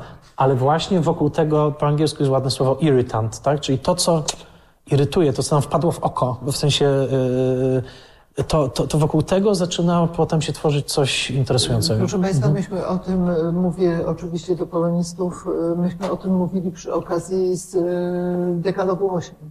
Że tam jest dokładnie według tego, o czym ty tutaj mówisz w tej chwili właśnie budowana ta pozornie nijaka fabuła. Czyli tego, tak, tak. według Pana, tak, tak na podstawie co Pan powiedział, bym podsumował, że według Pana ludzie po prostu tego nie czują, tak? Jakby nie, jakby nie, rozumie, nie rozumieją procesu filmowego, który po prostu tworzą. Tylko po prostu piszą na papierze. Nie wiem, Nie, znaczy y, dużo tekstów powstaje. Mm, znaczy, wie pan nawet dobrze pan to nazwał. Myślę, że okej, będę brutalny, ale myślę, że dużo tekstów powstaje wcale nie dlatego, że ktoś chce zrobić film. Wiem, że to dziwnie brzmi. Ale dla mnie, y, jeżeli ktoś chce naprawdę opowiedzieć coś przez formę filmową, to powinien myśleć formą filmową. Natomiast najgorsza rzecz w wielu scenariuszach, które czytam, to jest taka, że przeczytam to i myślę sobie, to wcale nie musi być film. To mogłoby być też, nie wiem, artykuł prasowy, krótkie opowiadanko. Nie czuję tam tej przemożnej potrzeby, żeby opowiedzieć coś językiem kina, tym, co kino faktycznie może zrobić. Wydawało mi się właśnie, że jedną z podstawowych zasad storytellingu jest to, że po prostu opowiadamy historię, którą chcemy przekazać, którą czujemy potrzebę przekazania. Natomiast no, nie oszukujmy się, nie bez przyczyny istnieje takie sformułowanie jak przemysł filmowy. Tak? I wydaje się, że gdzieś to, co obecnie powstaje, powstaje gdzieś na styku tych y, dwóch, czy wręcz na przecięciu tych dwóch jakby obszarów. Tak? Oczywiście, I, to, co jest gdzieś pomiędzy w samym środku jest, powiedziałbym, najlepsze, tak? co jednocześnie jest w stanie trafić na możliwie szerokiej widowni, a z drugiej strony jest jakąś historią, którą nosił w sobie autor, którą chciał przekazać, tak? a nie jakimś czymś, co trzeba było zrobić, bo deadline gonił. No to prawda, oczywiście, no jest mnóstwo, tak jak ktoś to nazwał, tak? to jest taka fabryka, tak jakby, zwłaszcza telewizje oczywiście w tym często y, wiodą prym, ale też nie musi tak być, bo czasami są teksty, znaczy właściwie gdybym miał to uprościć do jednego zdania, to bym powiedział, ok, po przeczytaniu scenariusza, czy mogę powiedzieć, że, że ten tekst został pomyślany jako scenariusz filmowy? Bo jeśli ja gdzieś czuję, że to równie dobrze mogłoby być na przykład słuchowisko, nie wiem, jednoaktówka, no, to, to, to, to nie jest dobrze. No. Ale jeżeli tam widzę już ślad myślenia właśnie filmowego, konstruowania sceny filmowej, y, gry jakimś elementem zaskoczenia, nie wiem, y, wizualnym. Mówię, kino ma tą ogromną, ogromną po prostu przewagę, czy jakąś cudowną cechę, że, że obraz i działania bohatera, fizyczna akcja może przeczyć słowu, tak? To jest coś niesamowitego, że, że, że na, na powierzchni e, no, no Hitchcock to mm, wypolerował już na taki wysoki połysk. Mm, Polański w Dziecku Rozmery też to pokazuje, że na powierzchni może być naprawdę... Lata 60. Tak, że, że może być super, tak, może być miło i może być pozornie bardzo przyjemnie, ale pod spodem spojrzenie bohatera, y, nie wiem, jeden gest, y, schowa, schowanie czegoś, czego inne postaci nie widzą, tak, a my to wiemy. To, to jest to, co potem buduje ogromne napięcie. Proszę? No Tarantino myślę, że ma, ma wiele mistrzowskich mm, cech i momentów. Nie wszystkie jego filmy lubię tak samo, ale, ale niektóre uważam, no trudno by znaleźć innego reżysera, który myśli tak filmowo jak Tarantino, tak? To, to jest taki, takie zwierzę filmowe w wielu znaczeniach. Akurat mój, mój ulubiony jego film to, to Pulp Fiction, ale też Jackie Brown jest na przykład świetna moim zdaniem.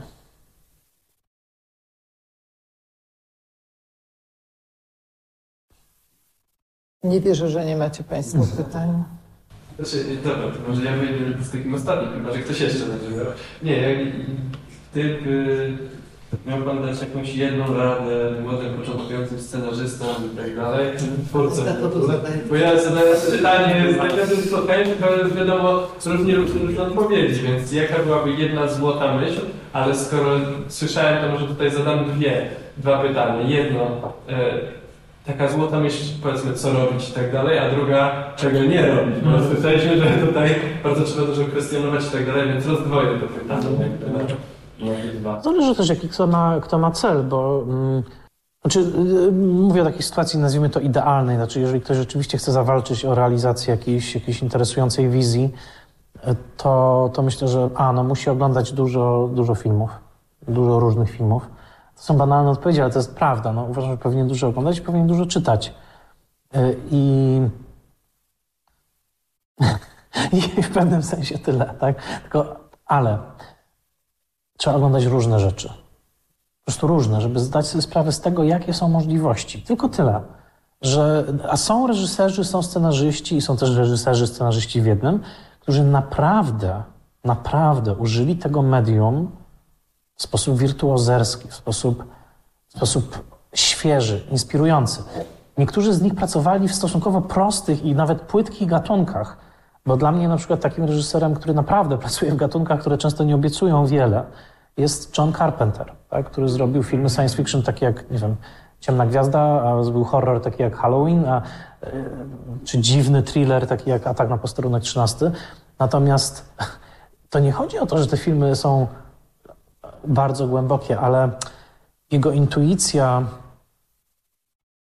operowania gatunkiem, tworzenia pewnej atmosfery, zderzania ze sobą sytuacji, naprawdę sprawia, to zresztą był taki świetny tekst o filmie Halloween kiedyś, już nie pamiętam, kto go napisał, chyba Antony Lane, że, że gdybyśmy zobaczyli jednostronicowe streszczenie tego filmu, to to się wydaje najbardziej banalny horror o facecie, który biega z nożem, natomiast sposób opowiedzenia od scenariusza do realizacji sprawia, że to jest film, który naprawdę działa na nas na jakimś takim poziomie wręcz At- atawistyczny. Nie jedąc samochód i to niby jest nudne ujęcie, wszyscy siedzą na skraju krzesła. Niedawno widziałem jakiś tylko taki jeden z pierwszych filmów, Atak na posterunek 13. Tak, tak, tak. Po prostu jadą w jedno miejsce i tam wkurzają jednych bandytów i się dzieją rzeczy.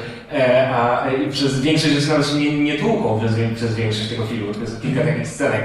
A y, to jest tak skonstruowane, że, ta, ta atmosfera, no też muzyka sama. Tak, a jednocześnie Carpenter, o czym też mówię w odcinku akurat poświęconym filmowi Coś, The Thing, em, był bardzo głęboko zanurzony w kino hollywoodzkie klasycznego okresu, jak to się nazywa, bo często się mówi zresztą, że akurat Atak na posterunek 13 jest takim quasi remake'iem filmu Rio Bravo, bo jeżeli spojrzycie na tą strukturę, to ona jest identyczna, znaczy właśnie oblężony, oblężony posterunek, tak, jakby grupka, która musi się bronić i tak dalej. Yy, więc, więc tak, no tak bym gdzieś tak to określił. Yy, yy, uważam, że warto być otwartym na te różne formy, różne możliwości zrozumienia narzędzi i tego, do jak różnych rzeczy one są używane, bo naprawdę jest taka przepaść między filmami Kieślowskiego, tymi najlepszymi, ja uważam, że jego najlepszym filmem jest Przypadek, a Hitchcockiem, a y, Carpenterem, a y, nie wiem, tutaj można wpisać jakiekolwiek czwarte nazwisko, ale wszyscy oni mają jeden wspólny mianownik, znaczy, że oni się rzeczywiście, nawet na poziomie scenariuszowym, posługują świadomością formy. Tego, co kino może, po prostu, tego, co kino może. Dźwiękowo, wizualnie, aktorsko, dialogowo, sytuacyjnie.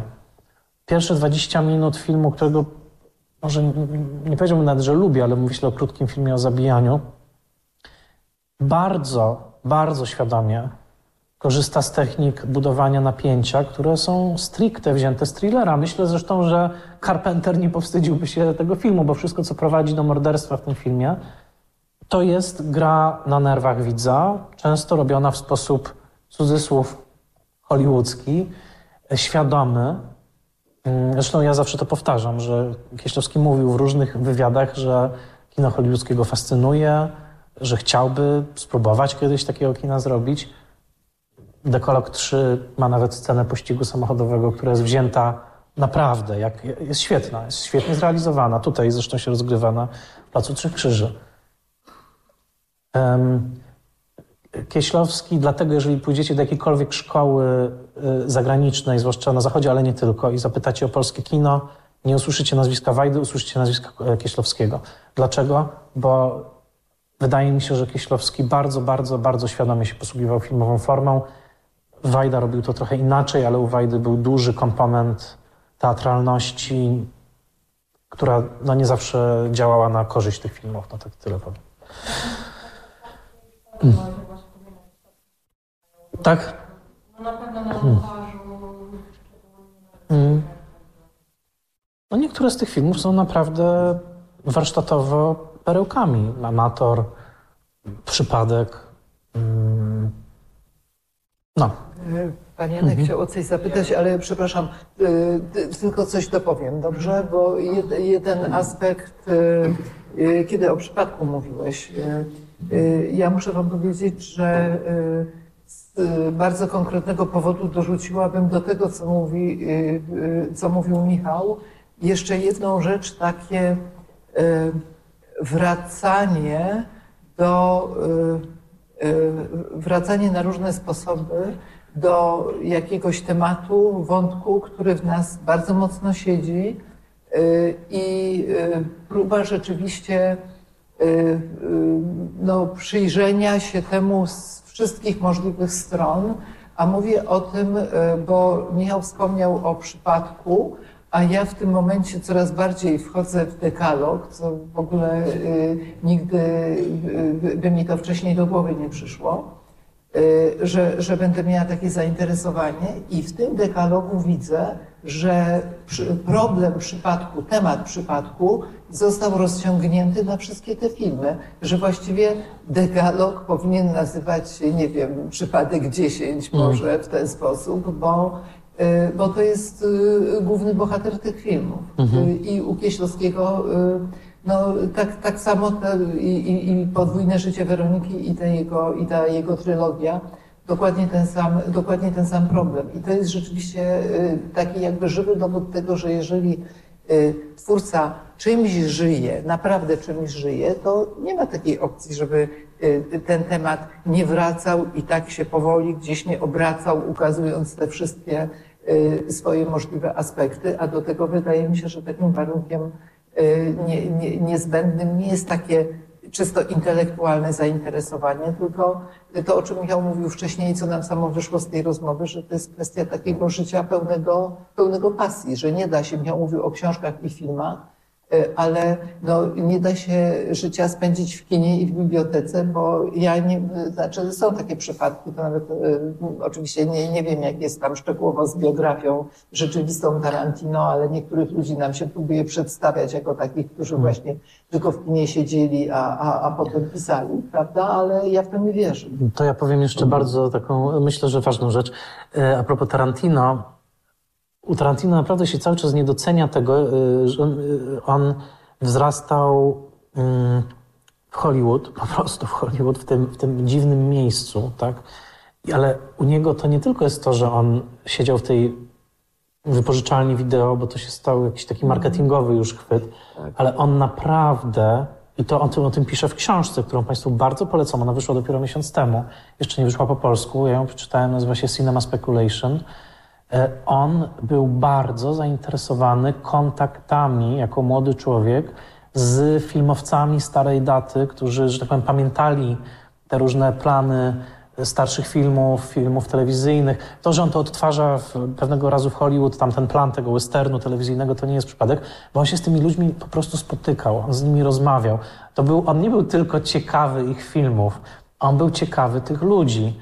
Przeprowadzał z nimi wywiady, tam są ciekawe anegdotki o tym, jak tam zapomniał taśmy i tak dalej. W każdym razie lubił z nimi rozmawiać. To było dosyć unikalne, bo to było pierwsze pokolenie ludzi, którzy nie oni, oni nie byli w żadnej szkole filmowej, oni się przyuczali wszyscy do tego zawodu, tak? Na różne sposoby pochodzili z różnych zakątków rzeczywistości i oni trochę rzeczywiście w palcach, w tak zwanej nabitej łapie mieli ten, to rzemiosło. I, I Tarantino spędził całe godziny, dziesiątki godzin rozmawiając z tymi ludźmi, którzy, dodajmy, często nie mieli żadnego kapitału kulturowego, w tym sensie, że pr pracowali nad rzeczami, no właśnie, pulp fiction, to znaczy tanimi, krótkimi filmami sensacyjnymi, westernami i tak dalej, ale Tarantino rozpoznawał w, nim, w nich to, że oni dosłownie tą pamięcią mięśniową, tym, że przez dziesiątki lat pracowali na planie z aktorami, z kolejnymi scenariuszami, z kolejnymi opowieściami, że oni nabyli jakiejś niesamowitej intuicji w kreowaniu tej rzeczywistości, często bardzo niewielkimi środkami, nie potrzebując wcale dużych, dużych pieniędzy. I teraz polecam tę książkę dlatego, że to jest, zresztą Tarantino mówi, że e, zrobi chyba jeszcze jeden film i przejdzie na emeryturę czy serial. Tak, tak, no, no, no, no właśnie, ale ta książka y, przekonuje mnie, że nawet gdyby w tym momencie już przestał kręcić i, i, tylko pisał kolejne książki, to może tak robić, bo on tam też pisze, zawarł eseje o swoich ulubionych filmach lat 70. Te eseje są absolutnie wybitne. E, tekst o taksówkarzu, o wybawieniu Burmana i o mało znanym w Polsce brutalnym filmie pod tytułem Rolling Thunder. To są perełki krytyki filmowej, ale taką książkę mógł napisać tylko on. Dlaczego? Bo on znał tych wszystkich ludzi nie na poziomie anegdotki, nie wiem, pikantnej z planu, że ktoś tam coś tam, tylko on wiedział skąd oni przychodzili. On wiedział, jaka tradycja literacka nie zawsze najwyższych lotów, a czasami wyższych, bo to byli ludzie, którzy bardzo się naczytali Hemingwaya, bardzo się naczytali Faulknera. To było to całe pokolenie, które pochłaniało literaturę modernistyczną lat dwudziestych, także w jej wydaniu takim, nazwijmy, wulgarnego modernizmu, tak, jakiegoś zwulgaryzowanego. I to wszystko Tarantino w nich dostrzegł. Ten esej o taksówkarzu uważam jest w ogóle najlepszym tekstem o taksówkarzu, jaki, jaki czytałem, bo jako jedyny nie brnie w takie fałszywe, właśnie ścieżki, wskazywania, a tutaj się Scorsese zainspirował Antonionim, e, już wiemy, tak, skąd. Nie, on pokazuje prawdziwe, brudne podbrzusze tego filmu, z, z czego on wyrasta też pod względem właśnie e, literackim, kulturowym i tak dalej. Tak czy siak, Tarantino jest naprawdę niegłupim facetem. To nie jest dzieciak, który siedział całe życie w wypożyczalni, tylko to jest ktoś, myślę, że można go wręcz nazwać historykiem filmu. On, on, on po prostu uprawia już taką refleksję historyczno-filmową na dużym poziomie, a przy okazji ma dostęp do źródeł w postaci tych ludzi, do których my często nie mamy dostępu. Ale mit y, wypożyczalni, taki mit kultury współczesnej, właśnie popularnej, mit wypożyczalni Tak. pasował idealnie i można go było marketingowo użyć. Tak, i został, został użyty, dokładnie. Odebraliśmy głos panu Jankowi. Nie, ja mam bardzo luźną e, myśl i e, tak sobie pomyślałem. E, a propos e, filmów i scenariuszy, em, bo nie, niedawno tam sobie obejrzałem Primal Fear po raz pierwszy i pomyślałem sobie o instytucji plot, plot twistu. E, A ten film z Edwardem Nortonem, tak? sam, tak, tak, tak, tak. tak. O, o, o, mm, tak, o, o plot twistie sobie pomyślałem i e, bo i, czy mm, pan ma jakiś e, mniejszy lub lub większy stosunek do tego, bo ja na przykład em, tak, to jest bardzo luźna myśl. Mam wrażenie, że mm, to zależy co chcemy osiągnąć, ale mam wrażenie, że często em, lepiej jest e, odkryć jakieś karty wcześniej, aniżeli robić z tego wielki reveal pod koniec e, filmu. E, I ja bardzo lubię ten przykład. Jest ten film e, Ryana Johnsona e, na noże, e, z, gdzie, gdzie, gdzie on tam jakby, jakby wiadomo, co się stało po, po, po, po pół godziny filmu mniej więcej. E, I napięcie wynika z innego, tam nie wiem, no, u Hitchcocka to jest często w sznurze od razu wiemy, kto, kto zabił i to jest kompletnie z czego innego wynikają właśnie na, napięcia. Em, I tak, czy, czy, czy, czy, czy, czy, czy Pan może ma jakieś myśli na, na ten temat, może jakieś przykłady filmowe, mniej o, oczywiste? E, Nie wiem, bardzo luźna myśl, tak sobie. No myślę, że to najgorszy możliwy los dla filmu, jeżeli będzie pamiętany tylko dla swojego plot twistu. Tak? Są takie filmy, które niestety wpadły w tą pułapkę nawet pomysłowego plot twistu, które potem są e, przypisami w historii scenariopisarstwa i filmu właśnie przez to, właściwie tylko, tylko z tego powodu. Mało kto już chyba pamięta z filmu Lęk Pierwotny właśnie coś poza tym twistem, tak mi się wydaje. Są pewne, może poszczególne filmy, które użyły tego w sposób bardzo e, inteligentny. Vanilla Sky, a wcześniej ten film pod tytułem Otwórz oczy, Amenabara, który, y, no nie, oczywiście nic nie będę zdradzał, ale tak, tam uważam, że ten twist jest zastosowany bardzo mądrze.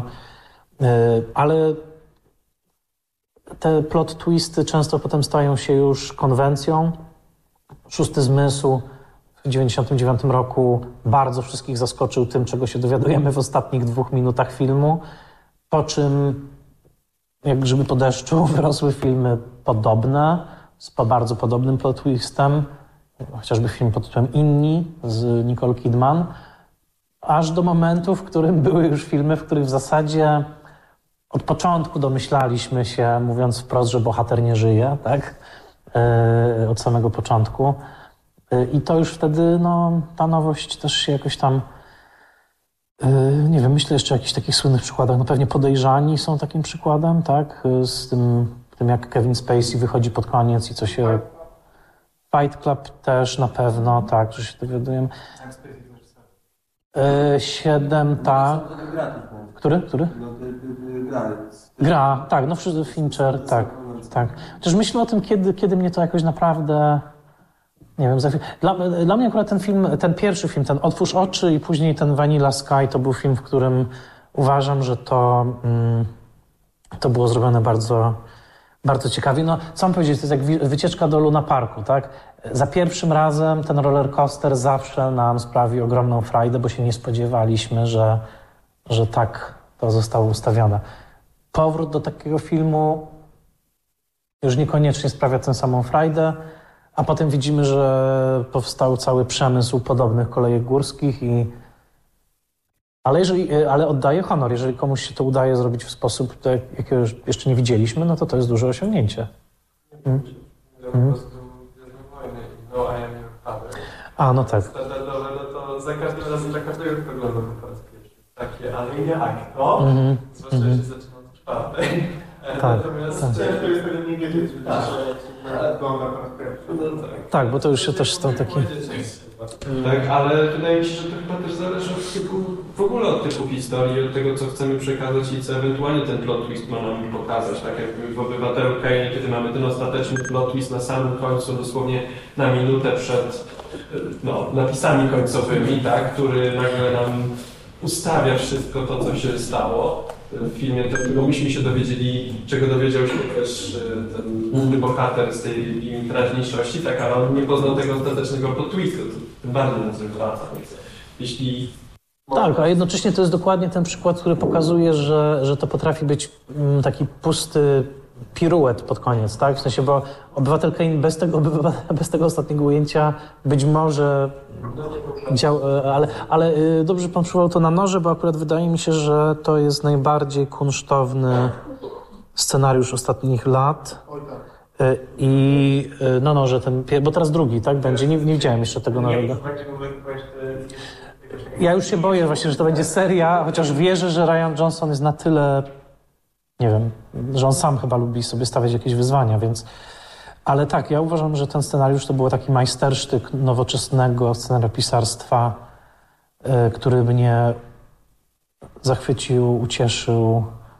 Y, I na dodatek to było użyte nie głupio. To tam, tam jest, ten film jest o czymś. To, to jest z tego cyklu, że, że nawet y, spoiler master nie powinien powiedzieć, bo jeżeli ktoś nie widział tego filmu, to po prostu powinien go zobaczyć. Tak. To jest bardziej strukturalny. No. To generalnie już No.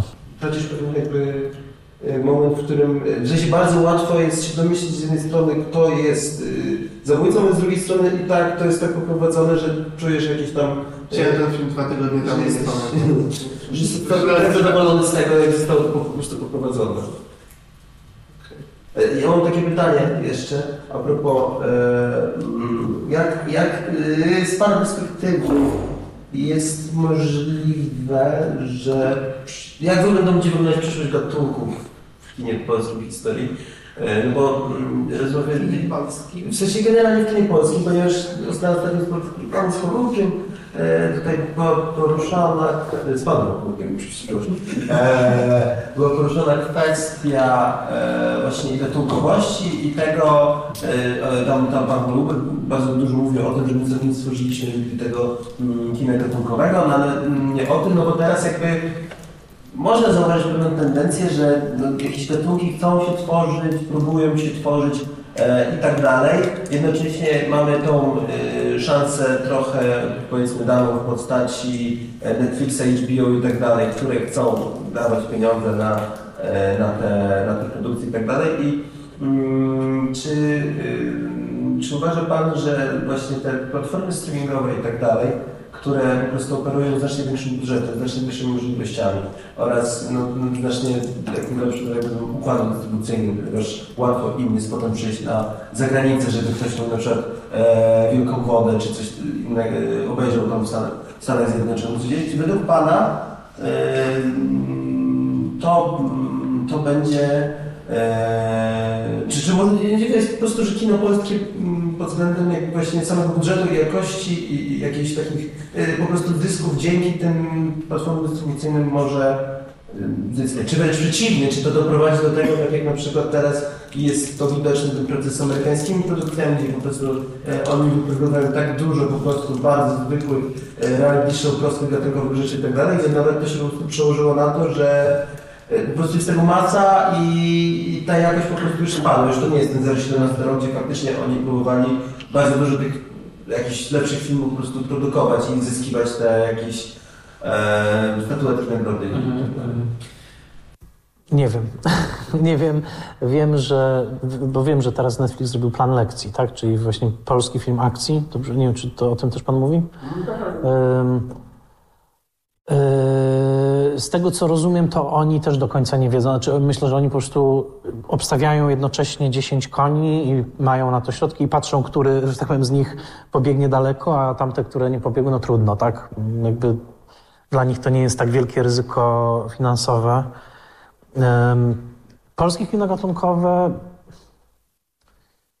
No rza- rzadko, rzadko się udaje, dlatego że jakby rzeczywiście nie mamy tej tradycji po prostu, tak? Nie mamy tej tradycji, o której przed chwilą powiedziałem, to znaczy takiego na przykład Tarantino, który nie wziął się znikąd i nie wziął się tylko z oglądania właśnie, oglądania tylko filmów wypożyczalni, tylko wziął się z tego, że był de facto częścią pewnego organizmu, pewnej, nie chcę powiedzieć wspólnoty, bo to za dużo powiedziane, ale on był częścią pewnego konkretnego milieu, tak? To znaczy był chłopakiem, który jeżeli zobaczył jakiś właśnie tani, e, niskobudżetowy film w stylu właśnie tego Rolling Thunder, to jak sam pisze w tej książce, odnalazł w książce telefonicznej numer te, e, reżysera, e, bo, bo w książce telefonicznej z Los Angeles ten numer był, ponieważ nie była też na gwiazda reżyserska, tylko po prostu jeden z tych wyrobników. Zadzwonił do niego, zapy, za, za, zapytał, czy może z nim porozmawiać, tamten go zaprosił na, na kawę i oni spędzili parę godzin i Tarantino mówi, że to, co ten reżyser mu wtedy powiedział o rzemiośle,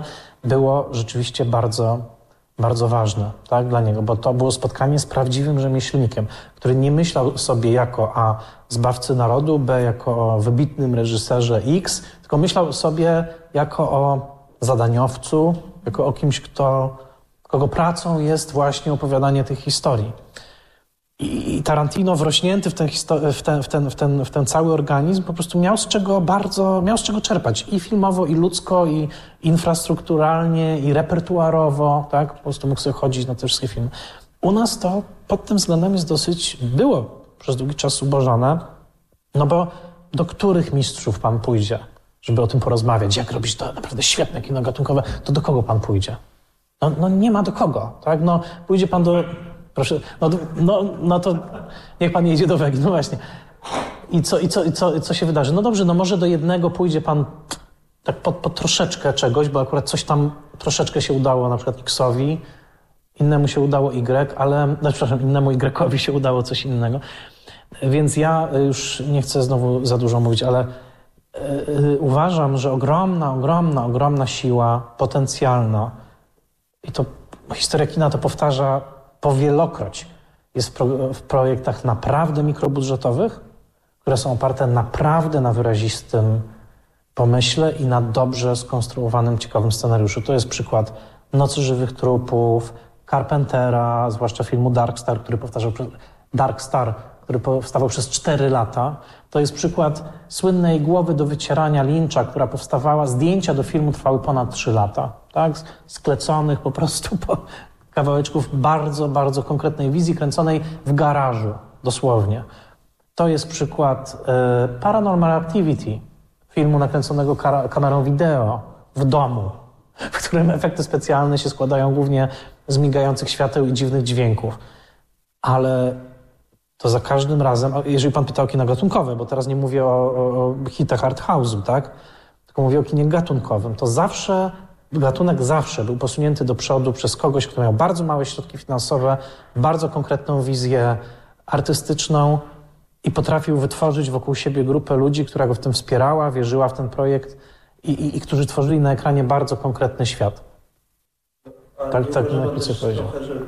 Kino gatunkowe w Polsce yy, próbuje się regularnie tworzyć, tylko jakoś po prostu to jest porzucone. No bo tak sobie, jak sobie analizuję na przykład, jakbym na przykład spojrzał na początek, na, na, na kino sensacyjne lat 90. No to powiedzmy zespołu Wasilskowskiego i innych, to się tam jakoś tworzy i tak dalej, potem projekt umiera. Potem mamy, mamy ten element tych komedii gangsterskich, też możemy uznać, że to jest jakiś polski kino i też jest parę naprawdę innych perełek i pewnym momencie też to urywa. Potem mamy w 2005 e, roku powrót e, tych takich seriali e, kryminalnych, które też jakoś tam próbują.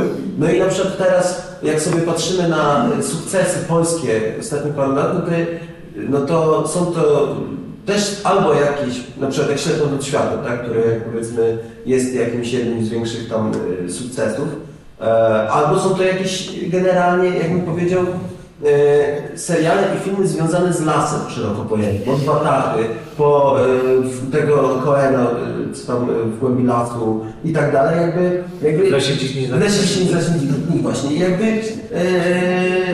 jakby, czy nawet Royce ma też powiedzmy taki jakiś leśny, mały taki motyw leśny, jakby, jakby, jakby coś się chciało po prostu cały czas robić, zareagować, prawda? Tylko jakby Właśnie nie było jakiejś takiej grupy, która jednocześnie by chciała, okej, no to zacznijmy to robić, tylko potem już to każdy przeskakiwać i...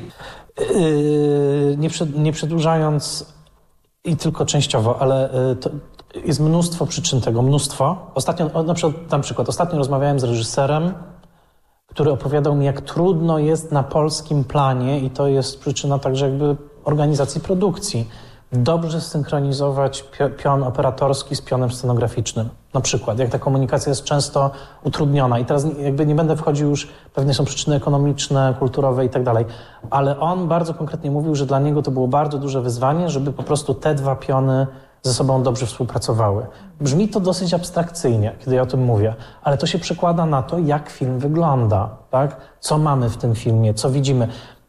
Wie pan, czasami ta rzeczywistość, ta fizyczna rzeczywistość przed kamerą, znaczy to, co widzimy w kadrze, naprawdę potrafi nas wciągnąć w dany film albo nas od niego odrzucić, bo widzimy, że to jest, nie wiem, plastikowe, sztuczne, nie rozpoznajemy tego świata, nie wiemy w ogóle, co, co to ma być, tak? Niech pan zobaczy, Noc Żywych Trupów powstawała naprawdę za małe pieniądze na taniej taśmie czarno-białej, ale ten świat tam przedstawiony jest bardzo spójny, bardzo spójny. I jak jesteśmy już na początku na tym cmentarzu, po prostu i widzimy te jesienne liście w tej czerni i bieli, jakby jedziemy tym samochodem i już czujemy y, taką sprawie materialistyczna wizja kina, ale kino niestety oddycha też materią, tak? I, i, I ten reżyser mówi mi, słuchaj, to jest bardzo ciężkie, bardzo ciężko zrobić, żeby te piany ze sobą pracowały. Więc ja gdzieś tam wierzę, gdzieś bardzo, bardzo idealistycznie, że może się wytworzy jakiś mały taki zespół niemalże filmowy, tak? który, który będzie się porozumiewał bardzo jakby na jednym, będzie rzeczywiście zespolony jedną wizją. Tak myślę trochę o tym Lynchu, który tak sobie właśnie dziergał tą głowę do wycierania naprawdę w bardzo, bardzo prymitywnych warunkach. A potem powstał film no, zachwycający pod, pod względem wizualnym. Jest jeden film, na który już jak dowcip, bo ja często się na niego powołuję i nikt go do tej pory nie chce oglądać, ale to jest film naprawdę wyjątkowy. To jest film Jakuba Polakowskiego pod tytułem Arbiter Uwagi. I to jest film, który powstał 7 czy 8 lat temu. Chyba jest online, można go oglądać, nie wiem w jakim serwisie, czy na, to jest osobna strona. W każdym razie, kiedy ja zobaczyłem ten film, to nie jest film, w którym wszystko się udało, ale to jest do dzisiaj w pewnym sensie mój ulubiony polski film ostatnich lat. Dlaczego? Bo Jakub Polakowski, który pracował za bardzo małe pieniądze, nie miał żadnych oficjalnych dofinansowań, ale z grupką przyjaciół, współpracowników stworzyli naprawdę spójną wizję. Pamiętam, że kiedy akurat wtedy miałem wpływ na to, co było pokazywane w Gdyni, więc ten film był pokazany w tej sekcji Inne Spojrzenie i wtedy Tadeusz Sobolewski, bardzo mu tutaj jakby muszę się ukłonić, bo on, on rozpoznał tą jakość i napisał wtedy, że to jest taki zaczątek polskiego dżarmusza troszeczkę. Taka historia o facecie, który tonie w długach i musi się jakoś z nich... Piotr Żurawski go zagrał.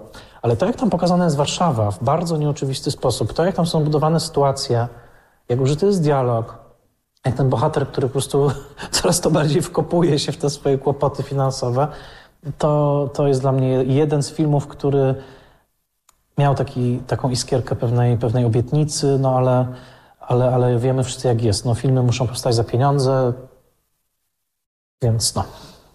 Panie Igorze, ja jeszcze, jeżeli mogę, w tej kwestii, którą Pan pojął, o czymś pomyślałam, mianowicie Pan do tego lasu nawiązał. Mi się wydaje, że to jest taki przykład, można mówić o wielu innych rzeczach pewnie, ale akurat ten, ten las jest dla mnie takim czytelnym przykładem że y, czasem bywa tak, że jeżeli jakieś filmy o określonej tematyce powstaną w określonym kontekście, tak jak ten y, temat leśny, tak jak antychryst von Trier'a,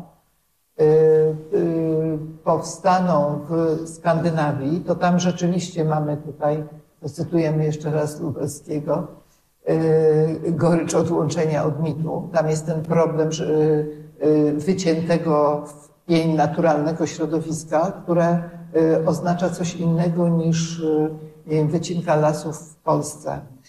To jest, to jest rzeczywiście kryzys całej jakiejś wielkiej kultury, która też straciła właśnie takie podglebie w postaci tego, tego i środowiska naturalnego, i przestrzeni mitów przede wszystkim. To właśnie u Fontrilla bardzo dobrze bardzo dobrze widać, y, y, o co, y, o co tam chodzi.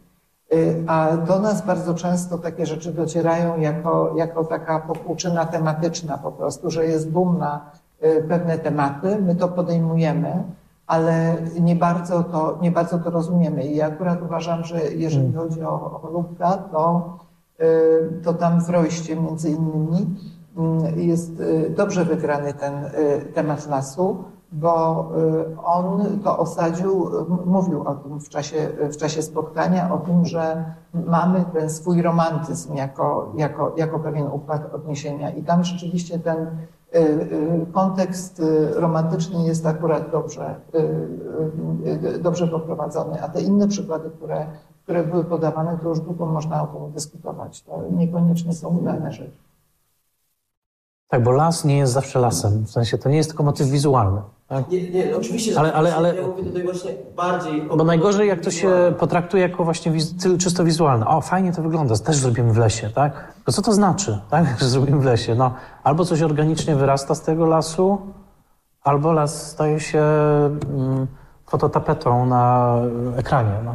Ale też jeszcze z drugiej strony, to też w nawiązaniu do tego, o czym y, była mowa na spotkaniu z Korupkiem, że on, sp- y, wspomnie, pamiętacie może Państwo, że była mowa y, o tym, ile lat on pracował nad tymi swoimi projektami, żebyście radził tutaj Panu Ignacemu cierpliwość, bo mowa była o tym, że 8 lat trwała ta jego droga przez mękę z przerabianiem wersji filmowej na serialową i, i odwrotnie.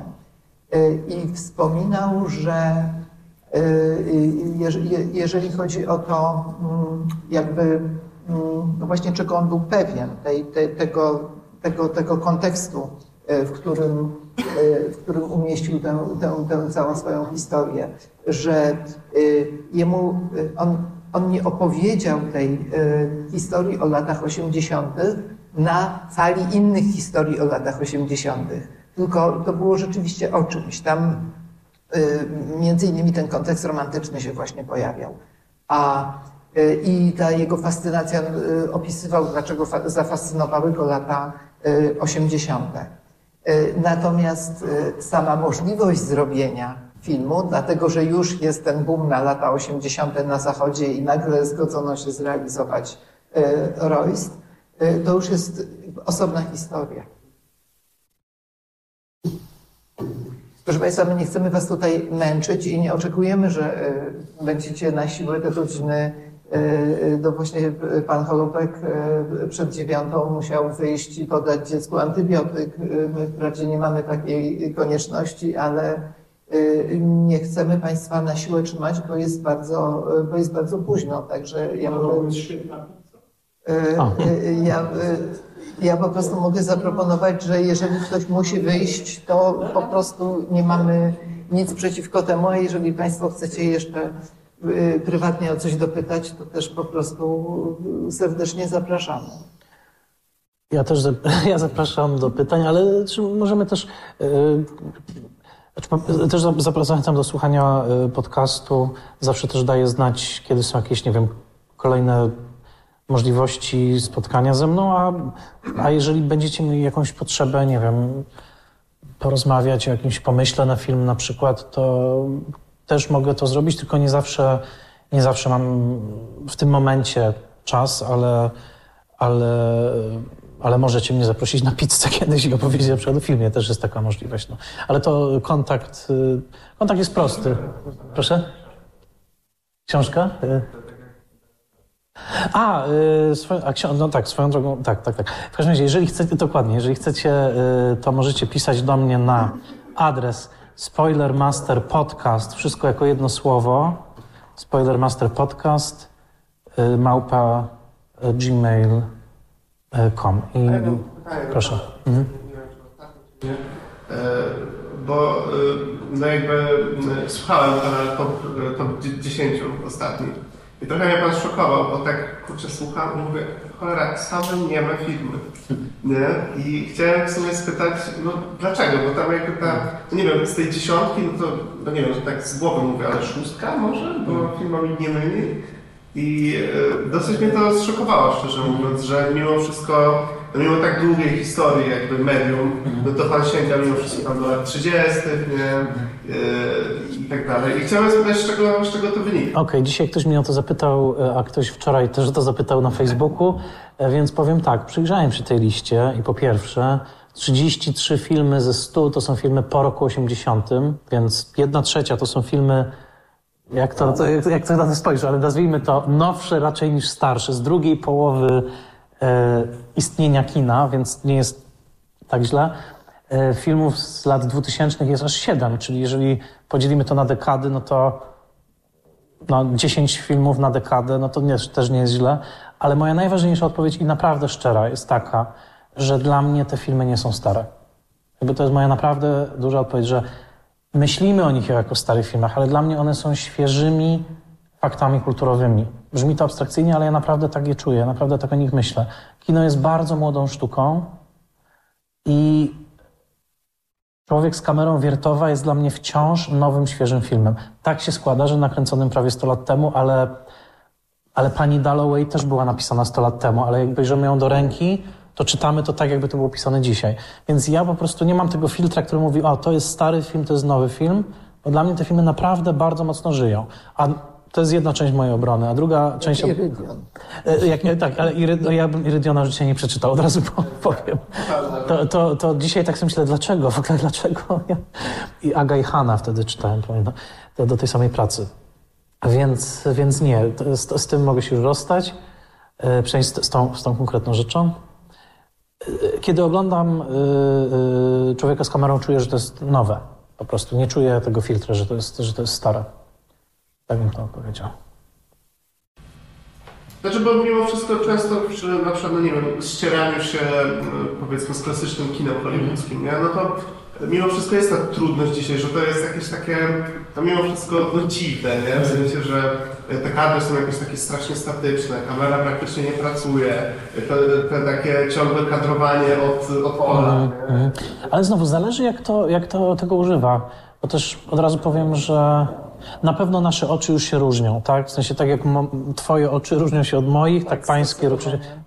Inaczej już nasze siatkówki były kształtowane, to na pewno. Ale wciąż wierząc w to, że, że reżyser jednak ma bardzo dużą rolę w robieniu filmu, te ujęcia, o których Pan mówi, od kolan w górę, zupełnie inaczej się dla mnie ogląda w tuzinkowym filmie hollywoodzkim z lat 50., a one mają inną temperaturę na przykład w filmach Hawksa, inną temperaturę mają w filmach Capry. To byli reżyserzy, którzy pracowali w dużej mierze na sytuacji i na atmosferze.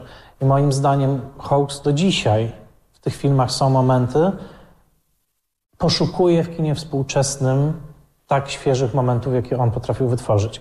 Zawsze wskazuje, tam w tej dziesiątce mówię o tym filmie Tylko aniołowie mają skrzydła i tych pierwszych pół, godzin, pierwszych pół godziny ja, ja, ja nie umiem znaleźć we współczesnym filmie ekwiwalentu takiej podróży emocjonalnej, jaką przechodzi ta bohaterka Boni w te 25 minut. Po prostu nie widzę ekwiwalentu. Wydaje mi się, że dzisiaj, gdyby komuś to zadać, żeby tak wyreżyserował te 25 minut, większość by nie potrafiło. Nie, to, to akurat dźwiękowe. E, Ale z 39 roku, więc e, Też mam wrażenie, że z filmów niemych jesteśmy bardzo dużo można się nauczyć o definiowaniu, e, o definiowaniu realizmu, bo e, ja bardzo nie lubię, jak, jak to właśnie mówi, że albo jak ktoś u, jak podświadomie uważa, że no taki ugruntowany y, y, paradygmat aktorstwa dzisiejszego, taki realistyczny, to jest jedyne, najlepsze, co ten, a, bo, bo tam ludzie też tutaj chcieli grać realistycznie. Znaczy, to, wszystko jest kwestią pewnej konwencji, pewnej, pewnej umowy. oni oni nie, mieli- nie mieli e, do dyspozycji głosu, więc e, tam praca ciała, każdą kończyną w tych, tych filmach niemych. Tak aktorzy pracują, że to jest, nie da się tego... A w kinie amerykańskim do dzisiaj jest bardzo duża też tradycja pracy właśnie z ciałem i pracy ciałem aktora. I ja zawsze mówię, no kino nieme y, było najlepszym laboratorium opowiadania wizualnego, po prostu tego, jak wizualnie przekazywać informacje. My teraz oglądaliśmy przecież do znudzenia brzdąca na języku filmu. Y, I y, jeżeli chodzi o o, te, o no, na, przykład, na przykład ten film, to mnie po prostu wbiło w podłogę, kiedy, Mm. kiedy to oglądałam, bo trochę tak jakby z poczucia obowiązku zasiadłam do tego i byłam wstrząśnięta. Mm. Nie, e, Dla mnie najlepszą obroną tego klasycznego paradygmatu hollywoodzkiego jest właśnie ten film Tylko aniołowie mają skrzydła, bo wydaje mi się, że te, te, te pierwsze 30 minut, pierwszy akt to jest taki masterclass w opowiadaniu po prostu. I, i, i, i, i no, ży, życzę każdemu reżyserowi, żeby opowiadał tak efektywnie, tak z taką rozpiętością też uczuć e, emocji. To, co y, przerzucę pomoc do tego, o czym, y, o czym powiedział Michał wcześniej w kontekście tych rozmów ze starszymi ludźmi, y, w kontekście Tarantino. Tarantino, w kontekście Tarantino, że w ogóle, jeżeli chodzi o starsze pokolenie, to jest po prostu to jest otwarta księga i, i dotyczy to w równym, w równym stopniu właśnie tych przypadków, o których mówiłam, jak i po prostu starszych ludzi i ja Was do tego bardzo gorąco zachęcam. To może na tej nucie, bo też spoglądając na zegarek Tak. powoli, mm, ja powiem, że i to ostatnie moje zdanie, że starzy filmowcy w Polsce są, mówię naprawdę o sędziwych ludziach, są często bardzo samotni, bardzo niezaopiekowani. Tak. E, ucieszą się, powiem tyle, ucieszą się z każdej wizyty, z każdej rozmowy. Wiem to, bo kiedy robiłem odcinki różne e, reporterskie, takie na przykład o Wilczycy e, Marka Piestraka, to robiłem, to możecie posłuchać, jest wywiad z Wiesławą Chojkowską, Przepraszam, podejrzewam, że y, Marek Piestrak to już w ogóle temu pokoleniu niewiele mówi, a tu chodzi o, o takiego... gatunkowego, gatunkowego właśnie e, twórcę, twórcę, który właśnie próbował robić takie gatunkowe rzeczy w Polsce. Wilczyca, e, test pilota Pirksa, e, no są odcinki też odsyłam, e, Klątwa Doliny Węży. A, to tak. Zachęcam do, do odcinka też długiego, który zrobiłem właśnie o tym filmie. E, Swoją drogą w świetnej formie, nadal z nami, prawie 90-latek, ale wtedy robiłem wywiady ze starszymi polskimi filmowcami, właśnie z jego współpracownikami, z dźwiękowcem, ze scenografką Wiesławą Chojkowską. Bardzo już st- star, starsi ludzie, rzadkie kontakty z innymi. W momencie, jak zadawałem pytania, odżywała cała ich pamięć. Wszystko. E, Pani Chojkowska miała, nie wiem, nie chcę teraz ile miała dokładnie, to nieważne. Była już osobą wtedy sędziwą. Pytana o to, jak pracowała nad scenografią tego filmu, skąd pozyskiwała re- rekwizyty, jak w ogóle działała wtedy w latach 80., pozyskując te różne rzeczy. Ona pracowała przecież jeszcze przy pożegnaniach Hasa, czyli to jest 58 rok, tak?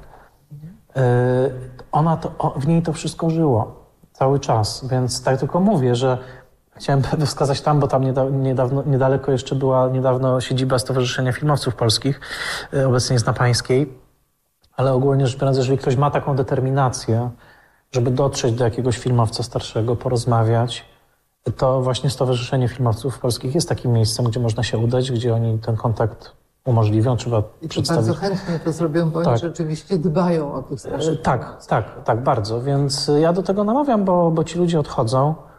E, Ja na przykład spełniłem takie swoje dziecięce marzenie, bo jako dziecko byłem bardzo zafascynowany takim animowanym polskim filmem pod tytułem Dawid i Sandy. To już jest rzecz, która przepadła jakby w odmęcie dziejów, ale, ale dla mnie bardzo ważna. I, I spotkałem się z panem Wiesławem Ziębą, który ten film robił, opowiadał mi, jak go animował, ile lat to zajęło. Wspaniała rozmowa, potem powstał też tekst, jest na Filmwebie, to już ma, ma parę lat ten tekst. Pan Zięba zmarł rok temu i ja wtedy, jak widziałem ten jego nekrolog, pomyślałem sobie, no ja się cieszę, że się spotkałem z tym człowiekiem, bo dowiedziałem się, jak powstawał jeden z filmów mojego, mojego dzieciństwa. A, a ci ludzie naprawdę szybko odchodzą, więc tak już idąc tym tropem tarantinowskim, zwłaszcza jeżeli ktoś chce robić filmy, to, to powiem tak, że warto mm, spotkać się. Ja jest, zaczęliśmy i może na tym dzisiaj skończymy, że zaczęliśmy od tej ciągłości międzypokoleniowej, że oto siedzimy za jednym stołem, mimo że ja kiedyś siedziałem i patrzyłem e, e, na, na, na, na ciebie, tak jak teraz studenci patrzą na ciebie i na mnie już też. E, To, to namawiam do tego właśnie, żeby te rozmowy mm, pomiędzy pokoleniami sobie uaktywniać. One bardzo dużo dają, bardzo w nas zostają. Dziękujemy Ci bardzo. Ja dziękuję. Tak, właśnie za idealny timing. Dziękuję za zaproszenie, dziękuję Państwu i I mam nadzieję do, do usłyszenia, do zobaczenia.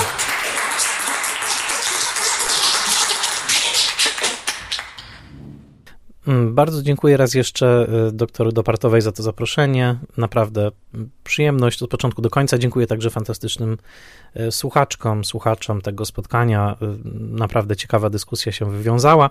A przede wszystkim dziękuję jak zawsze moim patronkom i patronom. Dzięki nim ten i wszystkie inne odcinki Spoilermastera powstały i są dostępne e, w sieci dla Was e, wszystkich słuchających e, w wolnym, darmowym dostępie. Zapraszam na patronite.pl, łamane przez Spoilermaster, możecie wesprzeć moją misję. Szczególnie dziękuję moim patronkom i patronom imiennym, to znaczy Łukaszowi Daleckiemu, Agnieszce Egeman, Sebastianowi Firlikowi, Joannie i Dominikowi Gajom, Odjemu Hendersonowi, Beacie Hołowni, Adamowi Andrzejowi Jaworskiemu, Annie Jóźwiak, Tomaszowi Kopoczyńskiemu, Jakubowi Mrozowi, Iwonie Oleszczuk-Jaźwieckiej, Annie i Krystianowi Oleszczykom, Władimirowi Panfiłowowi, Mateuszowi Stępniowi, Weronice Więsyk, Jackowi Wiśniewskiemu, Jerzemu Zawackiemu i Tomaszowi Mączce, autorom podcastu Let's Make Movies, Michałowi Żołnierukowi, a także blogowi Przygody Scenarzysty prezentującemu analizy scenariuszowe. Serdecznie im wszystkim dziękuję e, i zachęcam do rozważenia wsparcia, a e, następny Spoilermaster już za tydzień.